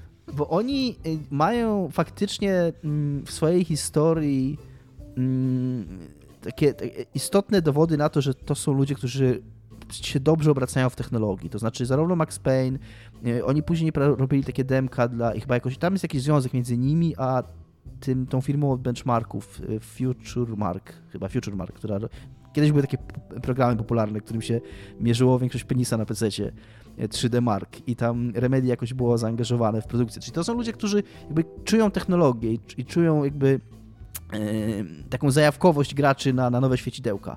Ale jednocześnie. A ty zacząłeś, zaczekaj, ja cię jeszcze przerwę, bo ty zacząłeś no. ciekawe zdanie, że zarówno Max Payne, jak i, i chciałeś podać jeszcze jeden przykład że to były takie gry technologicznie interesujące. Nie wiem, co Mnie interesował ten drugi tytuł. Nie, nie, chyba, chyba bardziej chciałem powiedzieć właśnie o tych ich, y, o tych, o tej ich współpracy z, Aha, z ludźmi okay. od 3D Marków. Dobra, to przepraszam. E, więc chyba o tym chodziło, nie ma za co. E, I, e, I że to są ludzie, którzy czują tę technologię i tą zajawkowość na technologię, ale jednocześnie jednak mm, ich główną siłą zawsze była umiejętność opakowania tego w coś gdzie ta technologia mimo wszystko nie jest najważniejsza. To, to jest chyba największy paradoks Maxa Payne'a, że to jest gra, która była takim świecidełkiem technologicznym, które tam miało ten bullet time, który był naprawdę czymś, czego nie było wcześniej w grach i który również wyglądał jak na swoje czasy yy, świetnie, ale jak to zwykle bywa i jakby ma to sens, takie technologiczna wartość gier bardzo szybko spada i tam po latach już nie pamiętamy Maxa Payne'a za to, że on technologiczną był rewolucją, tylko pamiętamy go za, za klimat, za, za tą minę, którą Iga teraz robi, za dialogi, za, cał, za cały ten taki, mm, tą taką... Mm, za komiks. Y, za komiks, tak. Ja pamiętam, no to było tak. Tak. I, i jakby taki za taki specyficzny głos, który, który mają te gry. I czymś takim był i Max Payne, i Alan Wake, i Control, w dużo mniejszym stopniu Quantum Break, jakkolwiek ja lubię tę grę, ale Quantum Break trochę pokazuje właśnie, co się dzieje z Remedy, jak zostawić ich sprawność w, o, silnikiem, w technologii, w grafice, taką techniczną ich sprawność, a zabrać im mm, tą ich narracyjną, taką, takie narracyjne, nie wiem, szaleństwo, czy jakoś taki, ten, taki po prostu ich pomysł na siebie. To zrobili grę, która jest spoko, ale która jest tam totalnie generic ass shooterem, kolejnym z, z, wielu tam generic shooterów, który bardzo dużo traci na tym, że jest w nim tak mało remedii. I więc, więc mówię, trochę nie rozumiem tego, że robią tryb single player do kurna strzelanki. Bardzo bym chciał, żeby istniał gatunek ass shooter. Basic ass shooter. Taki basic ass shooter. No to by tam było Borderlands i ten o Jezu, jak się nazywa? Bulletstorm. To były dwie jedyne, które by tam były. No. Ale y, pomijając to, że, że mówię, że dziwi mnie ten, ten Crossfire i dziwi mnie robienie przez gry multiplayer, to, to na Alan Wake 2 na pewno, na pewno bardzo czekam. Ciekawe Właśnie- jest to, jak myślicie. No, mów Tomek.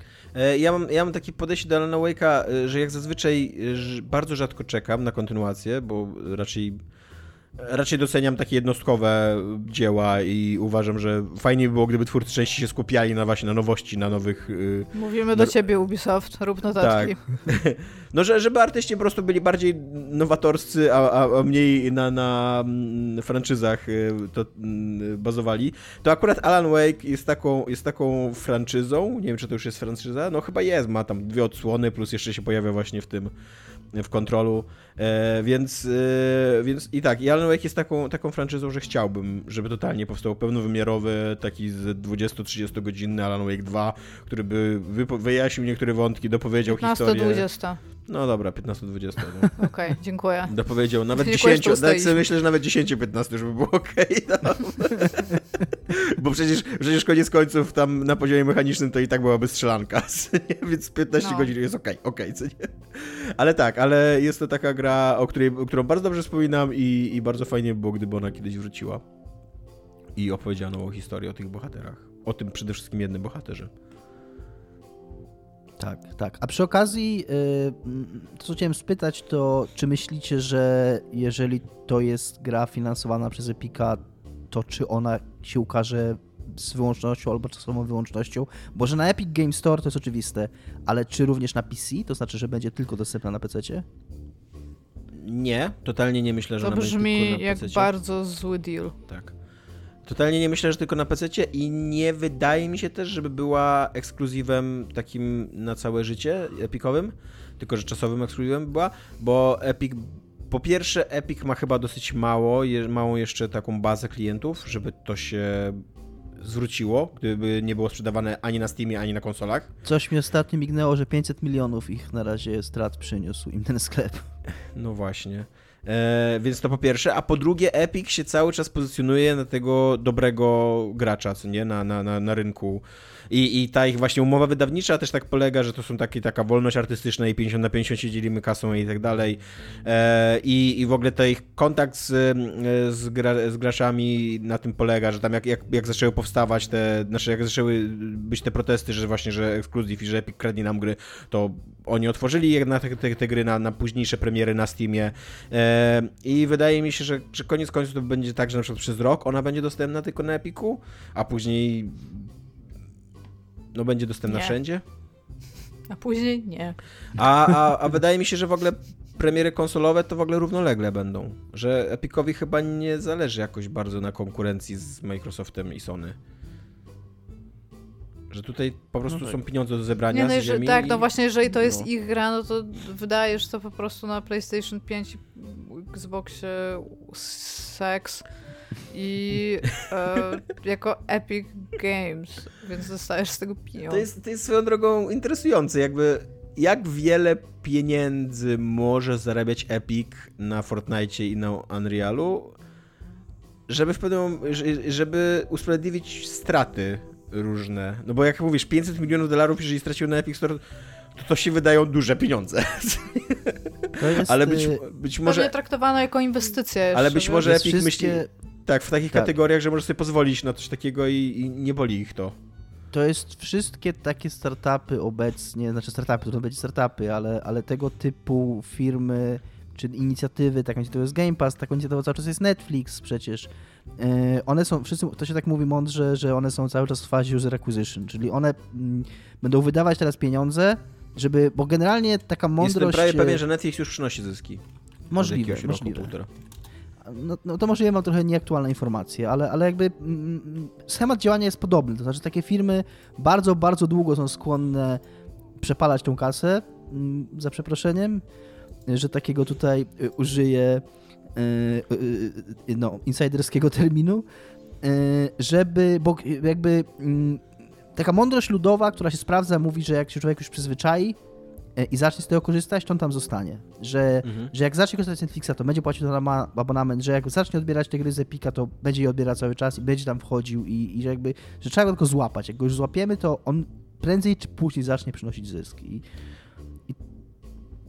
Przy tak okazji mówisz, apka, no, tych ta apka sklepowa Epic Store ostatnio została trochę aktualizowana, trochę rozwinięta, więc Jest koszyk? Tak, jest koszyk i, i, jest tabelka po lewej, taka, która tam, tam masz jakieś opcje do, do, do, do kliknięcia i możesz zobaczyć swoją bibliotekę, możesz przejść do sklepu i tak dalej, więc jesteśmy coraz bliżej jakby cywilizowanych warunków, co nie w Epic Store. Ja bym chciała powiedzieć, że Sam Lake nazywa się, nazywa się bardzo nietrudno, jak się okazuje. Znaczy nazywa się okay. oczywiście trudniej niż Sam Lake. Nazywa się Sami Antero Jarvi. I Jarvi tłumaczy się jako jezioro po prostu po fińsku, więc stwierdził, że jest Sam Lake. Okej, okay, ma to sens. Trochę cute uważam. Jest to trochę cute, no. Hmm? Nie wiedziałem o tym. Znaczy wiedziałem, że to nie jest. Wiedziałem, że to jest pseudonim artystyczny. Nie wiedziałem, że tak sobie wymyślił, że to jest tłumaczenie jego nazwiska na angielski po prostu. No. Więc tak, sam jezioro. Dominik, zapytaj się mnie, co jest grane. Tomek, co jest grane u ciebie? Dobrze, że pytasz, Dominik, bo ja jeszcze nie byłem. Więc poza tym, że Paradise Lost jest u mnie grane, to czytam cały czas książki i przeczytałem książkę o literalnie najgorszej okładce w historii. Bo ta okładka wygląda tak, nie wiem jak widzicie na kamerze. O Jezus, jest jaka jest piękna. To mega możesz ją opisać? Mega chaos, y, mega nuda. Jest w takim zgniłym zielono-czarnym kolorze. Na trzecim planie jest profil e, posągu kobiety bez żadnych wyraźnych e, cech charakterystycznych. Go przysłania e, N-Face, mężczyzna bez żadnych wyraźnych cech charakterystycznych, który ma przyłożoną lupę do oka. I to I oko nie ma żadnych wyraźnych cech charakterystycznych, a poniżej jest pistolet, taki przezroczysty, na którego, na, który przepuszcza miasto, taką panoramę miasta. Jest to po prostu stokowa okładka e, kryminału numer 3. Bardzo mi się, bardzo mi się również podoba w tej okładce to, że na niej się tak dzieje dużo wizualnie, że zabrakło najwyraźniej miejsca na literki, bo napis Hugo Award, nagroda Hugo jest na napisie 2010. Tak. Jedno, jedno zakrywa drugie, nie wiem. Jest to książka Miasto i Miasto, China Miewila. E, jest to interesujące podejście do gatunku kryminału, bo ona się rozgrywa w dwóch miastach, jak możecie się domyślić. O, właśnie chciałam się zapytać, czy to odbywa się w mieście. Tak. E, ona się rozgrywa w dwóch miastach. Jedno z nich nazywa się Beszel, drugi się nazywa Ulquom. E, I to, co jest ciekawe, to to, że te miasta prze... zajmują to samo miejsce geograficzne, tą samą przestrzeń geograficzną. E, i jakby żyją w takiej symbiozie, ale jednocześnie w ciągłym konflikcie, bo tak jak na przykład Berlin Wschodni... Toruń i Bydgoszcz. E, nie, no Toruń i Bydgoszcz nie, nie leżą w tym samym, tej samej przestrzeni geograficznej. A tutaj dokładnie, dokładnie na przykład ulica jest przedzielona taką granicą mentalną pomiędzy jednym a drugim miastem. I właśnie... Brzeszcz czy Oliwa? Iga. Proszę cię.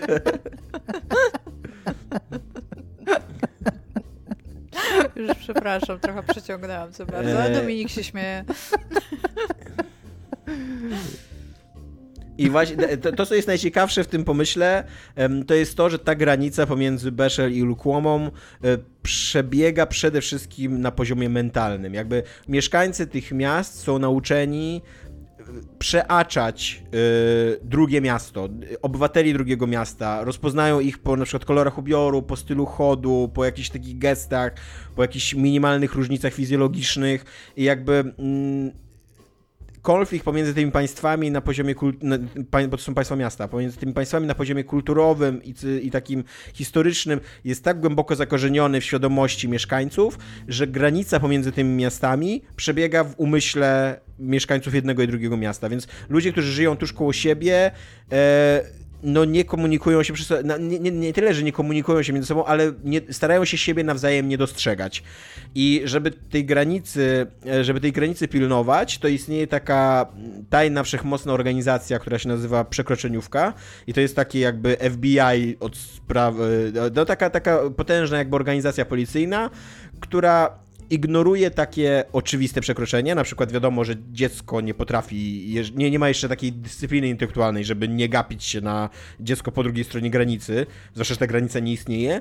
E, albo na przykład, że turyści czasem się zapomną i, i, i coś tam, coś tam, coś tam prze, prze, prze, przekroczą, bo to jakby łamanie tej granicy nazywa się przekroczeniem. Gaijin smash. Ale tak, ale, ale kontroluje na poziomie zarówno fizycznym, jak i takim trochę emocjonalnym e, i, i, i psychologicznym zachowania w ogóle wszystkich mieszkańców miasta. Że na przykład jeżeli, jeżeli dorosły mężczyzna będzie się gapił na coś, co się znajduje za granicą, albo jeżeli przez przypadek wejdzie na chodnik, który należy do drugiego miasta, no to od razu wkracza przekroczeniówka i ten człowiek znika. Jakby zazwyczaj to jest w ogóle taka tajna policja, wszechwładna tajna policja, której, której mm, potęga polega na tym, że, e, że nie wiadomo, co się dzieje z ludźmi, którymi oni się, oni się zajmują, nie?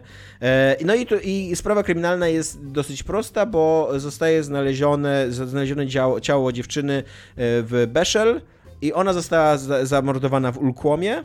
No i najprawdopodobniej jest to właśnie, jest to właśnie zbrodnia, do której doszło na, na, na mm, w wyniku przekroczenia tej, tej granicy, ale przekroczeniówka nie zostaje od razu za, za, zaangażowana, bo, możli, bo pomiędzy tymi, tymi miastami istnieje też fizyczna granica. Istnieje specjalny budynek, w którym możesz fizycznie przekroczyć granicę do drugiego miasta, i tylko wtedy musisz zacząć przeaczać to drugie miasto, to, to swoje rodzinne jakby miasto, co nie? E, no i, i w momencie jakby, w momencie kiedy, gdyby, gdyby zbrodnia została popełniona tak jakby z takim klasycznym przekroczeniem granicy, to przekroczeniówka nie może wkroczyć. Jakby, bo ona jest tylko od spraw tej, tej to jest bardzo ciekawy koncept, bardzo zawiły, tak jak teraz słyszeliście, ja podejrza, podejrzewam, że to nie jest łatwo sobie, zaczekaj, e, powiedziałem, że to nie jest łatwo sobie wytłumaczyć, jakby nie, nie mm, wyobrazić, nie, nie, nie czytając tej książki i w ogóle czytając ją też jakby cała zabawa przez pierwsze jakieś 100-150 stron polega na, na ogarnięciu intelektualnie tego, jak działają te miasta i o co chodzi w tych przekroczeniach, kiedy mm, o co chodzi w takich strefach wspólnych, kiedy oni mogą się komunikować ze sobą, kiedy nie mogą i tak dalej. E, tylko, że problem tej książki jest taki, że ten pomysł to jest wszystko, co ona proponuje. Jakby mm, ta zagadka na poziomie kryminalnym jest dosyć banalna i rozwiązanie jest e, mało interesujące. Nawet nie, to, nawet nie to, że jest oczywiste, bo tam na końcu to, kto zabił, jest dosyć zaskakujące, ale w takim, w takim najgorszym, najgorszym rozumieniu kryminału zabił po prostu bohater, którego wcześniej nie było jakby w planie. nie? Czyli tak jak Sherlock Holmes, mają bardzo wiele też... E, tak. Jak się mówi, wskazówek, które oni znają, a niekoniecznie ty jako odbiorca? Tak, tak. Tak, dokładnie, dokładnie tak.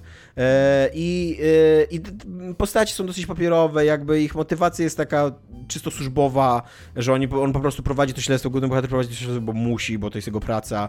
Więc, więc gdzieś tak około, to mi Paweł Kamiński napisał, że, że mu się ta, ta książka bardzo podobała, ale mniej więcej w połowie odpadł od niej. I to jest też takie poczucie, które ja miałem, że bardzo zwolniłem z lekturą, bo mniej więcej w połowie już jesteś otrzaskany z tym światem przedstawionym i tracisz zainteresowanie jakby tą tajemnicą tych, tych miast, a mm, a sama fabuła, sami bohaterowie nie ciągną dalej tej e, ekscytacji, że się tak wyrażę, czytelniczej. Iga, zadaj mi pytanie, śmiało. E, słuchaj, bo e, w trakcie tego, jak o tym mówisz, to żeby troszeczkę jakby zainteresowało mnie to, co powiedziałeś właśnie na tym poziomie świata przedstawionego. Teraz troszeczkę jestem bummed out, kiedy powiedziałeś, że to jest właściwie tyle, co ta książka ma do zaoferowania. Natomiast znalazłam taki krótki akapit na jej temat, może bym powiedziała. Chciałabym, żebyś mi coś wytłumaczył, bo tutaj jest napisane, że powieść Miasto i Miasto, współczesny literacki odpowiednik odpowiednik kultowego filmowego Blade Runnera. W, wiesz co, może to wynikać, bo tak, to jest przeciwne moim zdaniem porównanie i... Yy... No nie, ta, ta opowieść w ogóle nie stoi blisko Blade Runnera, poza tym, że jest kryminałem, Blade Runner też jest kryminałem e, i poza tym, że Blade Runner też się dzieje w bardzo charakterystycznym settingu, nie bardzo charakterystycznym tym LA tam 2019 e, ma swój charakter, jest bardzo taką silną lokacją, co nie? E, ale poza tym to, to nie, to, mm, no to, to jest przede wszystkim właśnie Blade Runner, to co robi doskonale, to że tą dramę i w ten świat wplata mm, bardzo interesujące, pełnowymiarowe postaci i ta ich, te, te ich przeżycia, dramaty e, są naprawdę wciągające. Zarówno, zarówno tych robotów, tych androidów, które tam e, uciekają i mordują, jak i mm, Decarda, jak i Rachel, jakby to, to, wszystko, to wszystko cię interesuje też na takim ludzkim poziomie. Tutaj w tej książce w ogóle tego nie miałem. W ogóle, w ogóle, w ogóle nie byłem zainteresowany tym, co nie jakby. I, i mówię, im dalej, im dalej w las, im lepiej rozumiesz to miasto, te miasta, dwa tak naprawdę, to tym bardziej tracisz zainteresowanie, bo to już jakby wygasa. Zwłaszcza, że książka jest ym, dosyć sztywno przetłumaczona na język polski yy, i kiepsko się czyta po prostu. To nie jest tak, że się płynie przez nią, że, że tam, że, że super, że lecą akapity i, nie zwracasz uwagi na, na przykład... Tylko tak... Skąd ta nagroda, byś powiedział? Za ten świat przedstawiony? E, wiesz co, ona, on, e, tak, za, za świat przedstawiony. Tak, ta książka, tak, za okładkę. ta książka... Już po prostu na tej okładce napisałeś, że ta książka dostała tę nagrodę, więc już mi dali. No. E, ja, sobie, ja sobie wygooglałem tą nagrodę Hugo i ona dostała w 2010 roku równolegle, znaczy egzekwo, nagrodę Hugo z nakręconą dziewczyną Paolo Bacigulapiego. E, I ja ostatnio opowiadałem o tej nakręconej dziewczynie. Nakręcona dziewczyna jest o niebo lepszą książką, o niebo lepszą, lepszą powieścią. Nie rozumiem absolutnie, dlaczego egzekwo dostały te, te książki nagrodę. E, jakby... Y, dla mnie sam pomysł na świat przedstawiony, sam setting w fantazy, science fiction, to nawet to, to jest takie dziwne, no to, to jest takie new weird, nie? E, bo to nie jest science fiction, jest to fantazja, ale takie na poziomie psychologicznym, co nie? A nie na poziomie magii. E, sam pomysł, dla mnie to jest za mało, żeby stworzyć dobrą literaturę. E, jakby literatura powinna opowiadać historię ludzi, e, i nawet jeżeli ci ludzie walczą ze smokami i latają na drugi koniec wszechświata, to no to przede wszystkim powinna być właśnie ta taka na poziomie empatii i na poziomie człowieczeństwa więź pomiędzy. E, zwłaszcza literatura piękna, no bo rozumiem, że tam jakiś, nie wiem, reportaż kurde o architekturze może sobie pominąć, co nie? to mają relacje z, z, z, ludzkimi bohaterami, nie? Więc y, dla Ale mnie ta książka o ile jest byłby pełniejszy, gdyby jednak miał tą relację, o której mówisz. No tak, dla, dla mnie ta książka jest jeszcze o tyle rozczarowująca, że ja jestem wielkim fanem China Mieville'a i on napisał dwie książki, które mega lubię, e, Bliznę i, i Żelazną Radę. Napisał też w tym uniwersum Dworzec Perdido, ale on, on jest gorszą powieścią. I obie właśnie mają świetnych bohaterów i świetne, świetną taką ludzką dramę i, i właśnie mają z jednej strony bogaty świat przedstawiony, taki, taki bardzo dziwaczny świat fantazy, a z drugiej strony opowiadają o ludziach, których historie cię autentycznie interesują i, i śledzisz je z przyjemnością i, i no. I, I, tyle mam do powiedzenia na temat tej nagrody. Uważam, że uważam, że nakręcana dziewczyna która dostała nagrodę dokładnie w tym samym roku, dużo, jest dużo, dużo lepszą powieścią i jeżeli byście szukali interesującej powieści fantazy, science fiction, która dostała nagrodę Hugo, to weźcie sobie, kupcie albo przeczytajcie, albo wypożyczcie nakręconą dziewczynę Paolo Bacigulapiego, którego nazwisko na, na pewno w ogóle zażynam, co nie w tym momencie. E, tak. E, I jeszcze mam do, o miasto i miasto, że to jest interesująca książka na poziomie intelektualnym pod względem tego, że ona rzuca trochę wyzwanie naszemu myśleniu, naszemu takiemu mm, tabu granicy, no bo jakby ona bardzo wyraźnie zwraca uwagę na fakt, że granice pomiędzy, międzypaństwowe granice istnieją i tylko i wyłącznie w umyśle i, i, i mentalności ludzi, co nie? Jakby tutaj ca, cały, cały, cały ten pomysł na oba miasta polega na tym, że ludzie mają tak głęboko wpisane właśnie potrzebę jakiejś przynależności etnicznej, czy geograficznej, czy, czy kulturowej, że, że są w stanie przeaczać, pomijać innych ludzi i inne budynki, całe budynki, całe ulice, tylko po to, żeby czuć się u siebie, co nie? No i to jest ładna myśl, którą można tam ekstrapolować na, na, na w ogóle na wszystkie granice i, i, i, i, um, i, i jakoś... Na granicy nienawiści?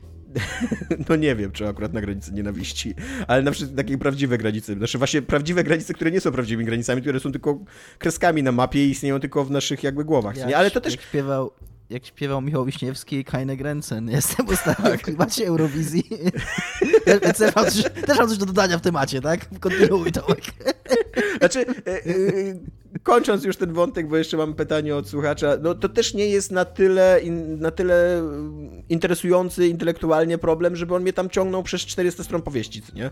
Jakby odnotowałem... To jak, jak rozdział w antropologicznym tak. jakimś tam, a propos przynależności do społeczeństwa lub przy, przynależności do jakiegoś miejsca, które jest tam kulturowo określone, tak, jak najbardziej. Ale no, tym mnie super zainteresowałeś, po czym powiedziałeś, no i w sumie to to jest dobre, a reszta nie jest dobra i tak. Tak. To tyle. Tak, książkę w ogóle jest dosyć trudno dostać i musiałem ją sobie kupić na Elixie e, i za 60 zł, co jest dużo jak na książkę, jak na OLX, tak. Jak na książkę na OLX-ie, tak? I chyba facet, który to sprzedawał, żeby nie czuć wrzutu sumienia, dorzucił mi drugą książkę, jakby do paczki. jakby dwie w cenie jednej kupiłem e, i ta druga Jaka jest, jest druga książka? E, zaczekaj, muszę, muszę spojrzeć na bibliotekę właśnie, żeby przeczytać. Stulecie Przemocy. E, I to jest z Uczty Wyobraźni, takiej, takiej serii e, A to jest to samo Stulecie detektywów, Stulecie chirurgów. Nie? Nie? Nie? nie? Stulecie Okej. detektywów, stulecie chirurgów i tak dalej. to Są takie książki, e, reportaże historyczne o Uwielbiam rozwoju chirurgii. A Stulecie Przemocy to jest jakaś science fiction wydane przez wydawnictwo MAG. W... Więc Zobaczę, ocenię okładkę, zobaczymy, czy się opłacało. O, dobra okładka. Więc będę czytał też tą drugą książkę. Będę czytał też tą drugą książkę i, i złożę wam raport z niej. E, tymczasem mamy pytanie od słuchacza na koniec. E, jako, że Halo, rzadko halo, mamy. słuchaczu? Tak, jako, że rzadko mamy pytania od słuchacza, to tym razem mamy. Użytkownik podpisujący się SMPRN e, zadał nam pytanie, gdybyście mogli wziąć gie, rynek gier za twarz i go uregulować, to jakie zmiany byście wprowadzili? Dominik, najmniej się ostatnio odzywałeś, więc go. E, tak, myślałem trochę o tym pytaniu i żeby tam nie wracać do oczywistości, a jednocześnie pozostać e, czy- jako człowiek trzymający rękę na pulsie, to odniosę się do tego, o czym Iga mówiła dzisiaj w odcinku, czyli e, usuwaniu gier ze sklepów i dostępie i dostępu do generalnie do takiego archiwum, do, do starych gier, mówiąc prosto. Chciałbym, żeby został jakoś w końcu prawnie, czy, czy jakimiś umowami pomiędzy firmami, czy w jakikolwiek sposób jakoś ustalony status prawny tak zwanego abandonware, e, ponieważ teraz e, mm, konkretnie przy okazji Wity pojawia się ten problem, co się dzieje z grami, które znikną ze sklepu, które przestaną być dostępne, których nie będzie można kupić nawet chcąc, a są takie gry, są chociażby gry, które są tylko cyfrowo dostępne na PlayStation Vita i których, które nawet nie miały fizycznego wydania, co oznacza, że takiej gry nie można kupić ani oficjalnie w sklepie, ani używanej od kogoś, po prostu ona zniknęła. I teraz czy tą grę teoretycznie prawo zabrania mi piracenia tej gry. Zabrania mi zmodowania tej konsoli, bo to już jest reverse engineering, zabrania mi ściągnięcia tych plików, bo pewnie ściągam przez więc i tam łamie w ogóle jakieś w ogóle 15 przepisów łącznie z naruszaniem sekretów handlowych, y, spółek giełdowych. Y, Jeżeli sobie ściągam taką grę na Vita, która nigdzie nie jest sprzedawana, na której nikt nie zarabia, która nikogo nie interesuje i to jest problem. To jest y, nawet taki, nawet pomijając takie górnolotne kwestie, które też są ważne i o których też warto pamiętać, że jakby ta historia gier wideo, jeżeli chcemy myśleć o grach wideo jako tam jakiejś formie sztuki, albo przynajmniej kultury, albo jakiejś formie wyrazu, to to jest ważne. Jakby zachowywanie spuścizny kulturowej ludzkości jest jakby jedną z rzeczy, które uważamy ogólnie jako ludzkość za istotne, tak? Żeby jakby to, żeby ta historia była, żeby, żeby te rzeczy istniały, był do nich dostęp. E, Więc z tego punktu widzenia, ale nawet z takiego punktu widzenia racjonalnego życia w świecie po prostu. Dlaczego człowiek, który, tak jak powiedziałem, ma, ma konsolę, za którą zapłacił, e, ściąga na nią grę, która nie jest nigdzie sprzedawana, której sprzedażą nikt nie jest zainteresowany, a, a czemu okazuje się, że on łamie różne przepisy z różnych kodeksów i gdyby za to wszystko go osądzić zgodnie z prawem, to pewnie kurde albo by dostał taką karę, żeby się nigdy nie wypłacił, albo nawet do więzienia poszedł, jakby tam wejść w te prawa dotyczące sekretów handlowych, więc to mi się, wydaje mi się, że jest coś, czym, co powinno zostać uregulowane jakoś tam. Inga? No też abstrahując od, rzeczywist- znaczy od takich oczywistości, o których często mówimy, czyli zakaz robienia open worldów, e, stwierdzenie, żeby subtitles były w jednym miejscu, tam w menu, albo tam Dominika Helikopterowatość też, żeby została w jakiś sposób usankcjonowana prawnie więzieniem, to o, ogólnie to e, wydaje mi się, że ja bym wprowadziła coś takiego jak e, nie wiem, jak to powiedzieć, żeby to nie zabrzmiało jak jakiś taki cenzurujący ten, że albo ograniczenie części w jednym IP, albo jakiś przymus e, tego e, innowacyjności, że każda kolejna gra z jakiegoś schematu musi w jakiś sposób wprowadzać innowacje, albo tam w samej tej grze, albo jakby w całości, żeby potem na przykład można było spojrzeć, o, wychodzi nowy, nowa FIFA, nie? No i o, ojejku, być może nie można jej sprzedać za pełną cenę na nowe konsole, być może sprzedaje się jako skórkę do starej gry na przykład, nie? Albo jak, jakiś dodatek, albo coś takiego. I żebyś miał realnie na przykład pięć nowości, które do tego wprowadziłeś, które by musiały być jakby prawnie wymuszone na tych wielkich twórcach, żeby, żeby po prostu nie robić takich skoków na kasę bez innowacji. Ale z drugiej strony, hmm, no to, to jest coś, co bym na pewno wprowadził jakiś taki, żeby, żeby ten rynek się zrobił lepszy. a nie taki super nastawiony na, na kasę. No i przede wszystkim też e, brać odpowiedzialność za obietnice marketingowe. O Jesus, to powinno być w ogóle, to powinno być ultra karane. To, co robił Colonial Marines, w sensie ten, i to, że to w ogóle się przedostało do prasy tak bardzo, bo tam były jakieś wielkie pozwy, to to w ogóle powinno być... Słucham? Na przykład, to powinna być kara z urzędu. To powinna być centralnie, kurde, kara z urzędu, że jeżeli hypujesz coś i obiecujesz coś i coś i coś i coś i to nie wychodzi, to płacisz gigantyczną karę. I to by po pierwsze zatrzymało te takie machiny marketingowe, takie pompujące rzeczy bez sensu, a po drugie nie dałoby twórcom obiecywać rzeczy, których nie są pewni. I to też moim zdaniem powinno być. Albo na e... przykład, tak żeby, żeby y, wyjść trochę z, krainy fantazji i polecić trochę na ziemię, to na przykład chociażby być może nie kary za to, że, y, że coś się nie pojawi, co się obiecywało, ale ale, ale znaczy inaczej, obowiązek informowania przed premierą, że było, pamiętacie jak mówiliśmy o tym, że będzie to, to o, będzie to, to, też to by i to? Było, okay. Tego jednak nie ma i, i, ten, i jeżeli taka, jeżeli nie zostanie jakby dopełniony ten obowiązek, to dopiero wtedy kara, tak, żeby, no bo jednak jakby, no wiadomo, że się rzeczy zmieniają i że czasami... Tak, ale po prostu chodzi mi o to też, że y, ten mechanizm marketingowy w działach AAA, z tego co widzimy, znaczy w działach, w działach jakby firm, które robią gry AAA, co widziane było wielokrotnie w ogóle przez nas, to oni już po prostu mają wrażenie, że wszyscy to w dupie mają. W sensie, no powiedzieliśmy to rok temu, teraz lecimy w ogóle z jakimś innym message, nie? No bo tutaj coś się wykazało i to. I tam, żeby to po prostu powstrzymać, bo to jest, to jest żeby... antykonsumerskie jakby, Słuchaj, nie? To jest antyodbiorca. Żeby... Słuchaj Iga, a może tak, żeby jak y, są, jest obowiązek umieszczania składu na, na y, podtrawach, na produktach spożywczych, to żeby też y, producent miał obowiązek wylistować feature'y, co dokładnie jest w tej grze, a, a, jakby wiesz, żeby, żeby gdzieś tam była ta informacja, że, że i później, nawet, znaczy, tak, ale wciąż nawet niech ona będzie tutaj... drukiem, no, nawet niech ona będzie gdzieś drobnym chodzi, drukiem, ale to, to, co ty mówisz jest bliżej premiery, a mnie wnerwia ten taki E, marketingowy jakby młyn, który się rozpoczyna mhm. i który zaczyna w ogóle robić tą mąkę z czegoś, czego jeszcze w ogóle nie ma.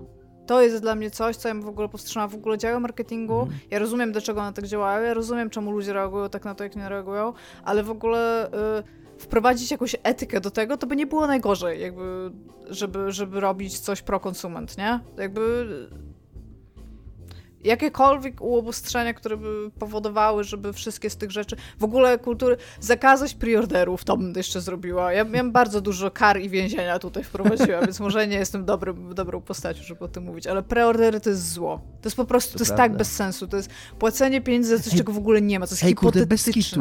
Bez kitu. I przy okazji, jak to brzmi racjonalnie, jak się to zastanowić. Zakazać sprzedaży rzeczy, których nie ma. Okej, okay, tak ma to sens. Ale no, ale właśnie o to mi chodzi, że to w ogóle powinno też być zupełnie w ogóle rozwalone, nie? No. Może trzeba odbiorców wsadzać do więzienia, że kupują preordery. Może to ich nauczy. Tak, tak. E, idźmy tą drogą. idźmy, idźmy tą drogą, to jest dokładnie ta droga, którą ja najbardziej lubię, czyli że tego najmniejszego człowieczka, żeby, żeby obarczać tak, największą tak odpowiedzialnością. Nie, no oczywiście, że nie, ale tak. Tak jak mamy, jest... Y, uwielbiam, uwielbiam nasz schemat w Polsce radzenia sobie z segregacją śmieci, że wszyscy, wszyscy, wszyscy producenci, wszystkie wielkie korpo mają centralnie w dupie to, w czym produkują, w czym się sprzedają dany towar, nawet nie, nawet cię nie informują, czy to jest plastik, czy papier, czy, co, czy, czy mieszane, czy coś, tylko ty na samym końcu i, i, i na przykład Coca-Cola i tak dalej y, nie, nie muszą sprzedawać napojów w mm, butelkach, które, które możesz oddać później, e, tylko ty na samym końcu jesteś tym człowiekiem, który się musi przejmować tymi czterema śmietnikami i co gdzie wrzucić. Nie? No, albo e, robisz na przykład tak, jak e, robi Apple albo Samsung, że wydajesz te wszystkie iPhony i telefony i tam sprzęty różnego rodzaju, tablety, shit i ty jesteś odpowiedzialnym typem, który mówi, dobra, od, to jest rzecz elektroniczna, oddam ją w miejscu, gdzie oddaje się rzeczy elektroniczne, dostaje to z powrotem Apple i wypiernicza praktycznie do rzeki i mówi, o Jezu, zapłaciliśmy karę, która jest żadna dla no. nas. Tak, no to ty proponujesz coś takiego tylko w Giereszkowie. No właśnie nie, to był żart. Ogólnie to proponuję, żeby zakazać ogólnie preorderów ze względu na to, że firma nie powinna sprzedawać czegoś, czego nie ma, nie powinna sprzedawać obietnicy, co się łączy też z tym młynem marketingowym, którego w jakiś sposób chciałabym, żeby to prawnie potem było przestrzegane, żeby nie, żeby nie było czegoś takiego, że ktoś jest ci w stanie dać jakiś CGI gameplay trailer, tak, który totalnie nie jest gameplay trailer i ty na tej podstawie robisz preorder, przecież to, to w ogóle, to brzmi jak jakiś clusterfuck prawny, że coś takiego jesteś w stanie zrobić. Jeżeli typ przychodzi, y, jeżeli masz fabułę gry, że typ przychodzi i sprzedaje ci ten y, olej z węża i mówi, to jest kurde remedium na wszystko po prostu. I, tych, i tą ciemnotę po prostu uczy na ten temat i oni kupują to od niego, to ty jako po- postać w tej fabule, jakbyś tam był i byś o tym wiedział, że to jest, że to jest kretyństwo, to byś tego typa, to on by był już tak niegodziwy, że tych biednych ludzi wyzyskuje, żebyś go tam albo uderzył, albo spalił, albo przynajmniej wydał tym e, jakby władzom, nie? Nie powiedziałbyś, ej, spoko, to ziomeczek, rozumiem, że, że tak. A, a my się na to totalnie godzimy, bo nam pokazali, że ludzik chodzi po ekranie, nie? I to dobra, nie ma tego, ja, ja to totalnie ja to kupuję. Dajcie mi to za rok. Emocje, No. emocje, tak. Emocje, e, bardzo ładne, Temat budzi emocje, ładne. tak. e.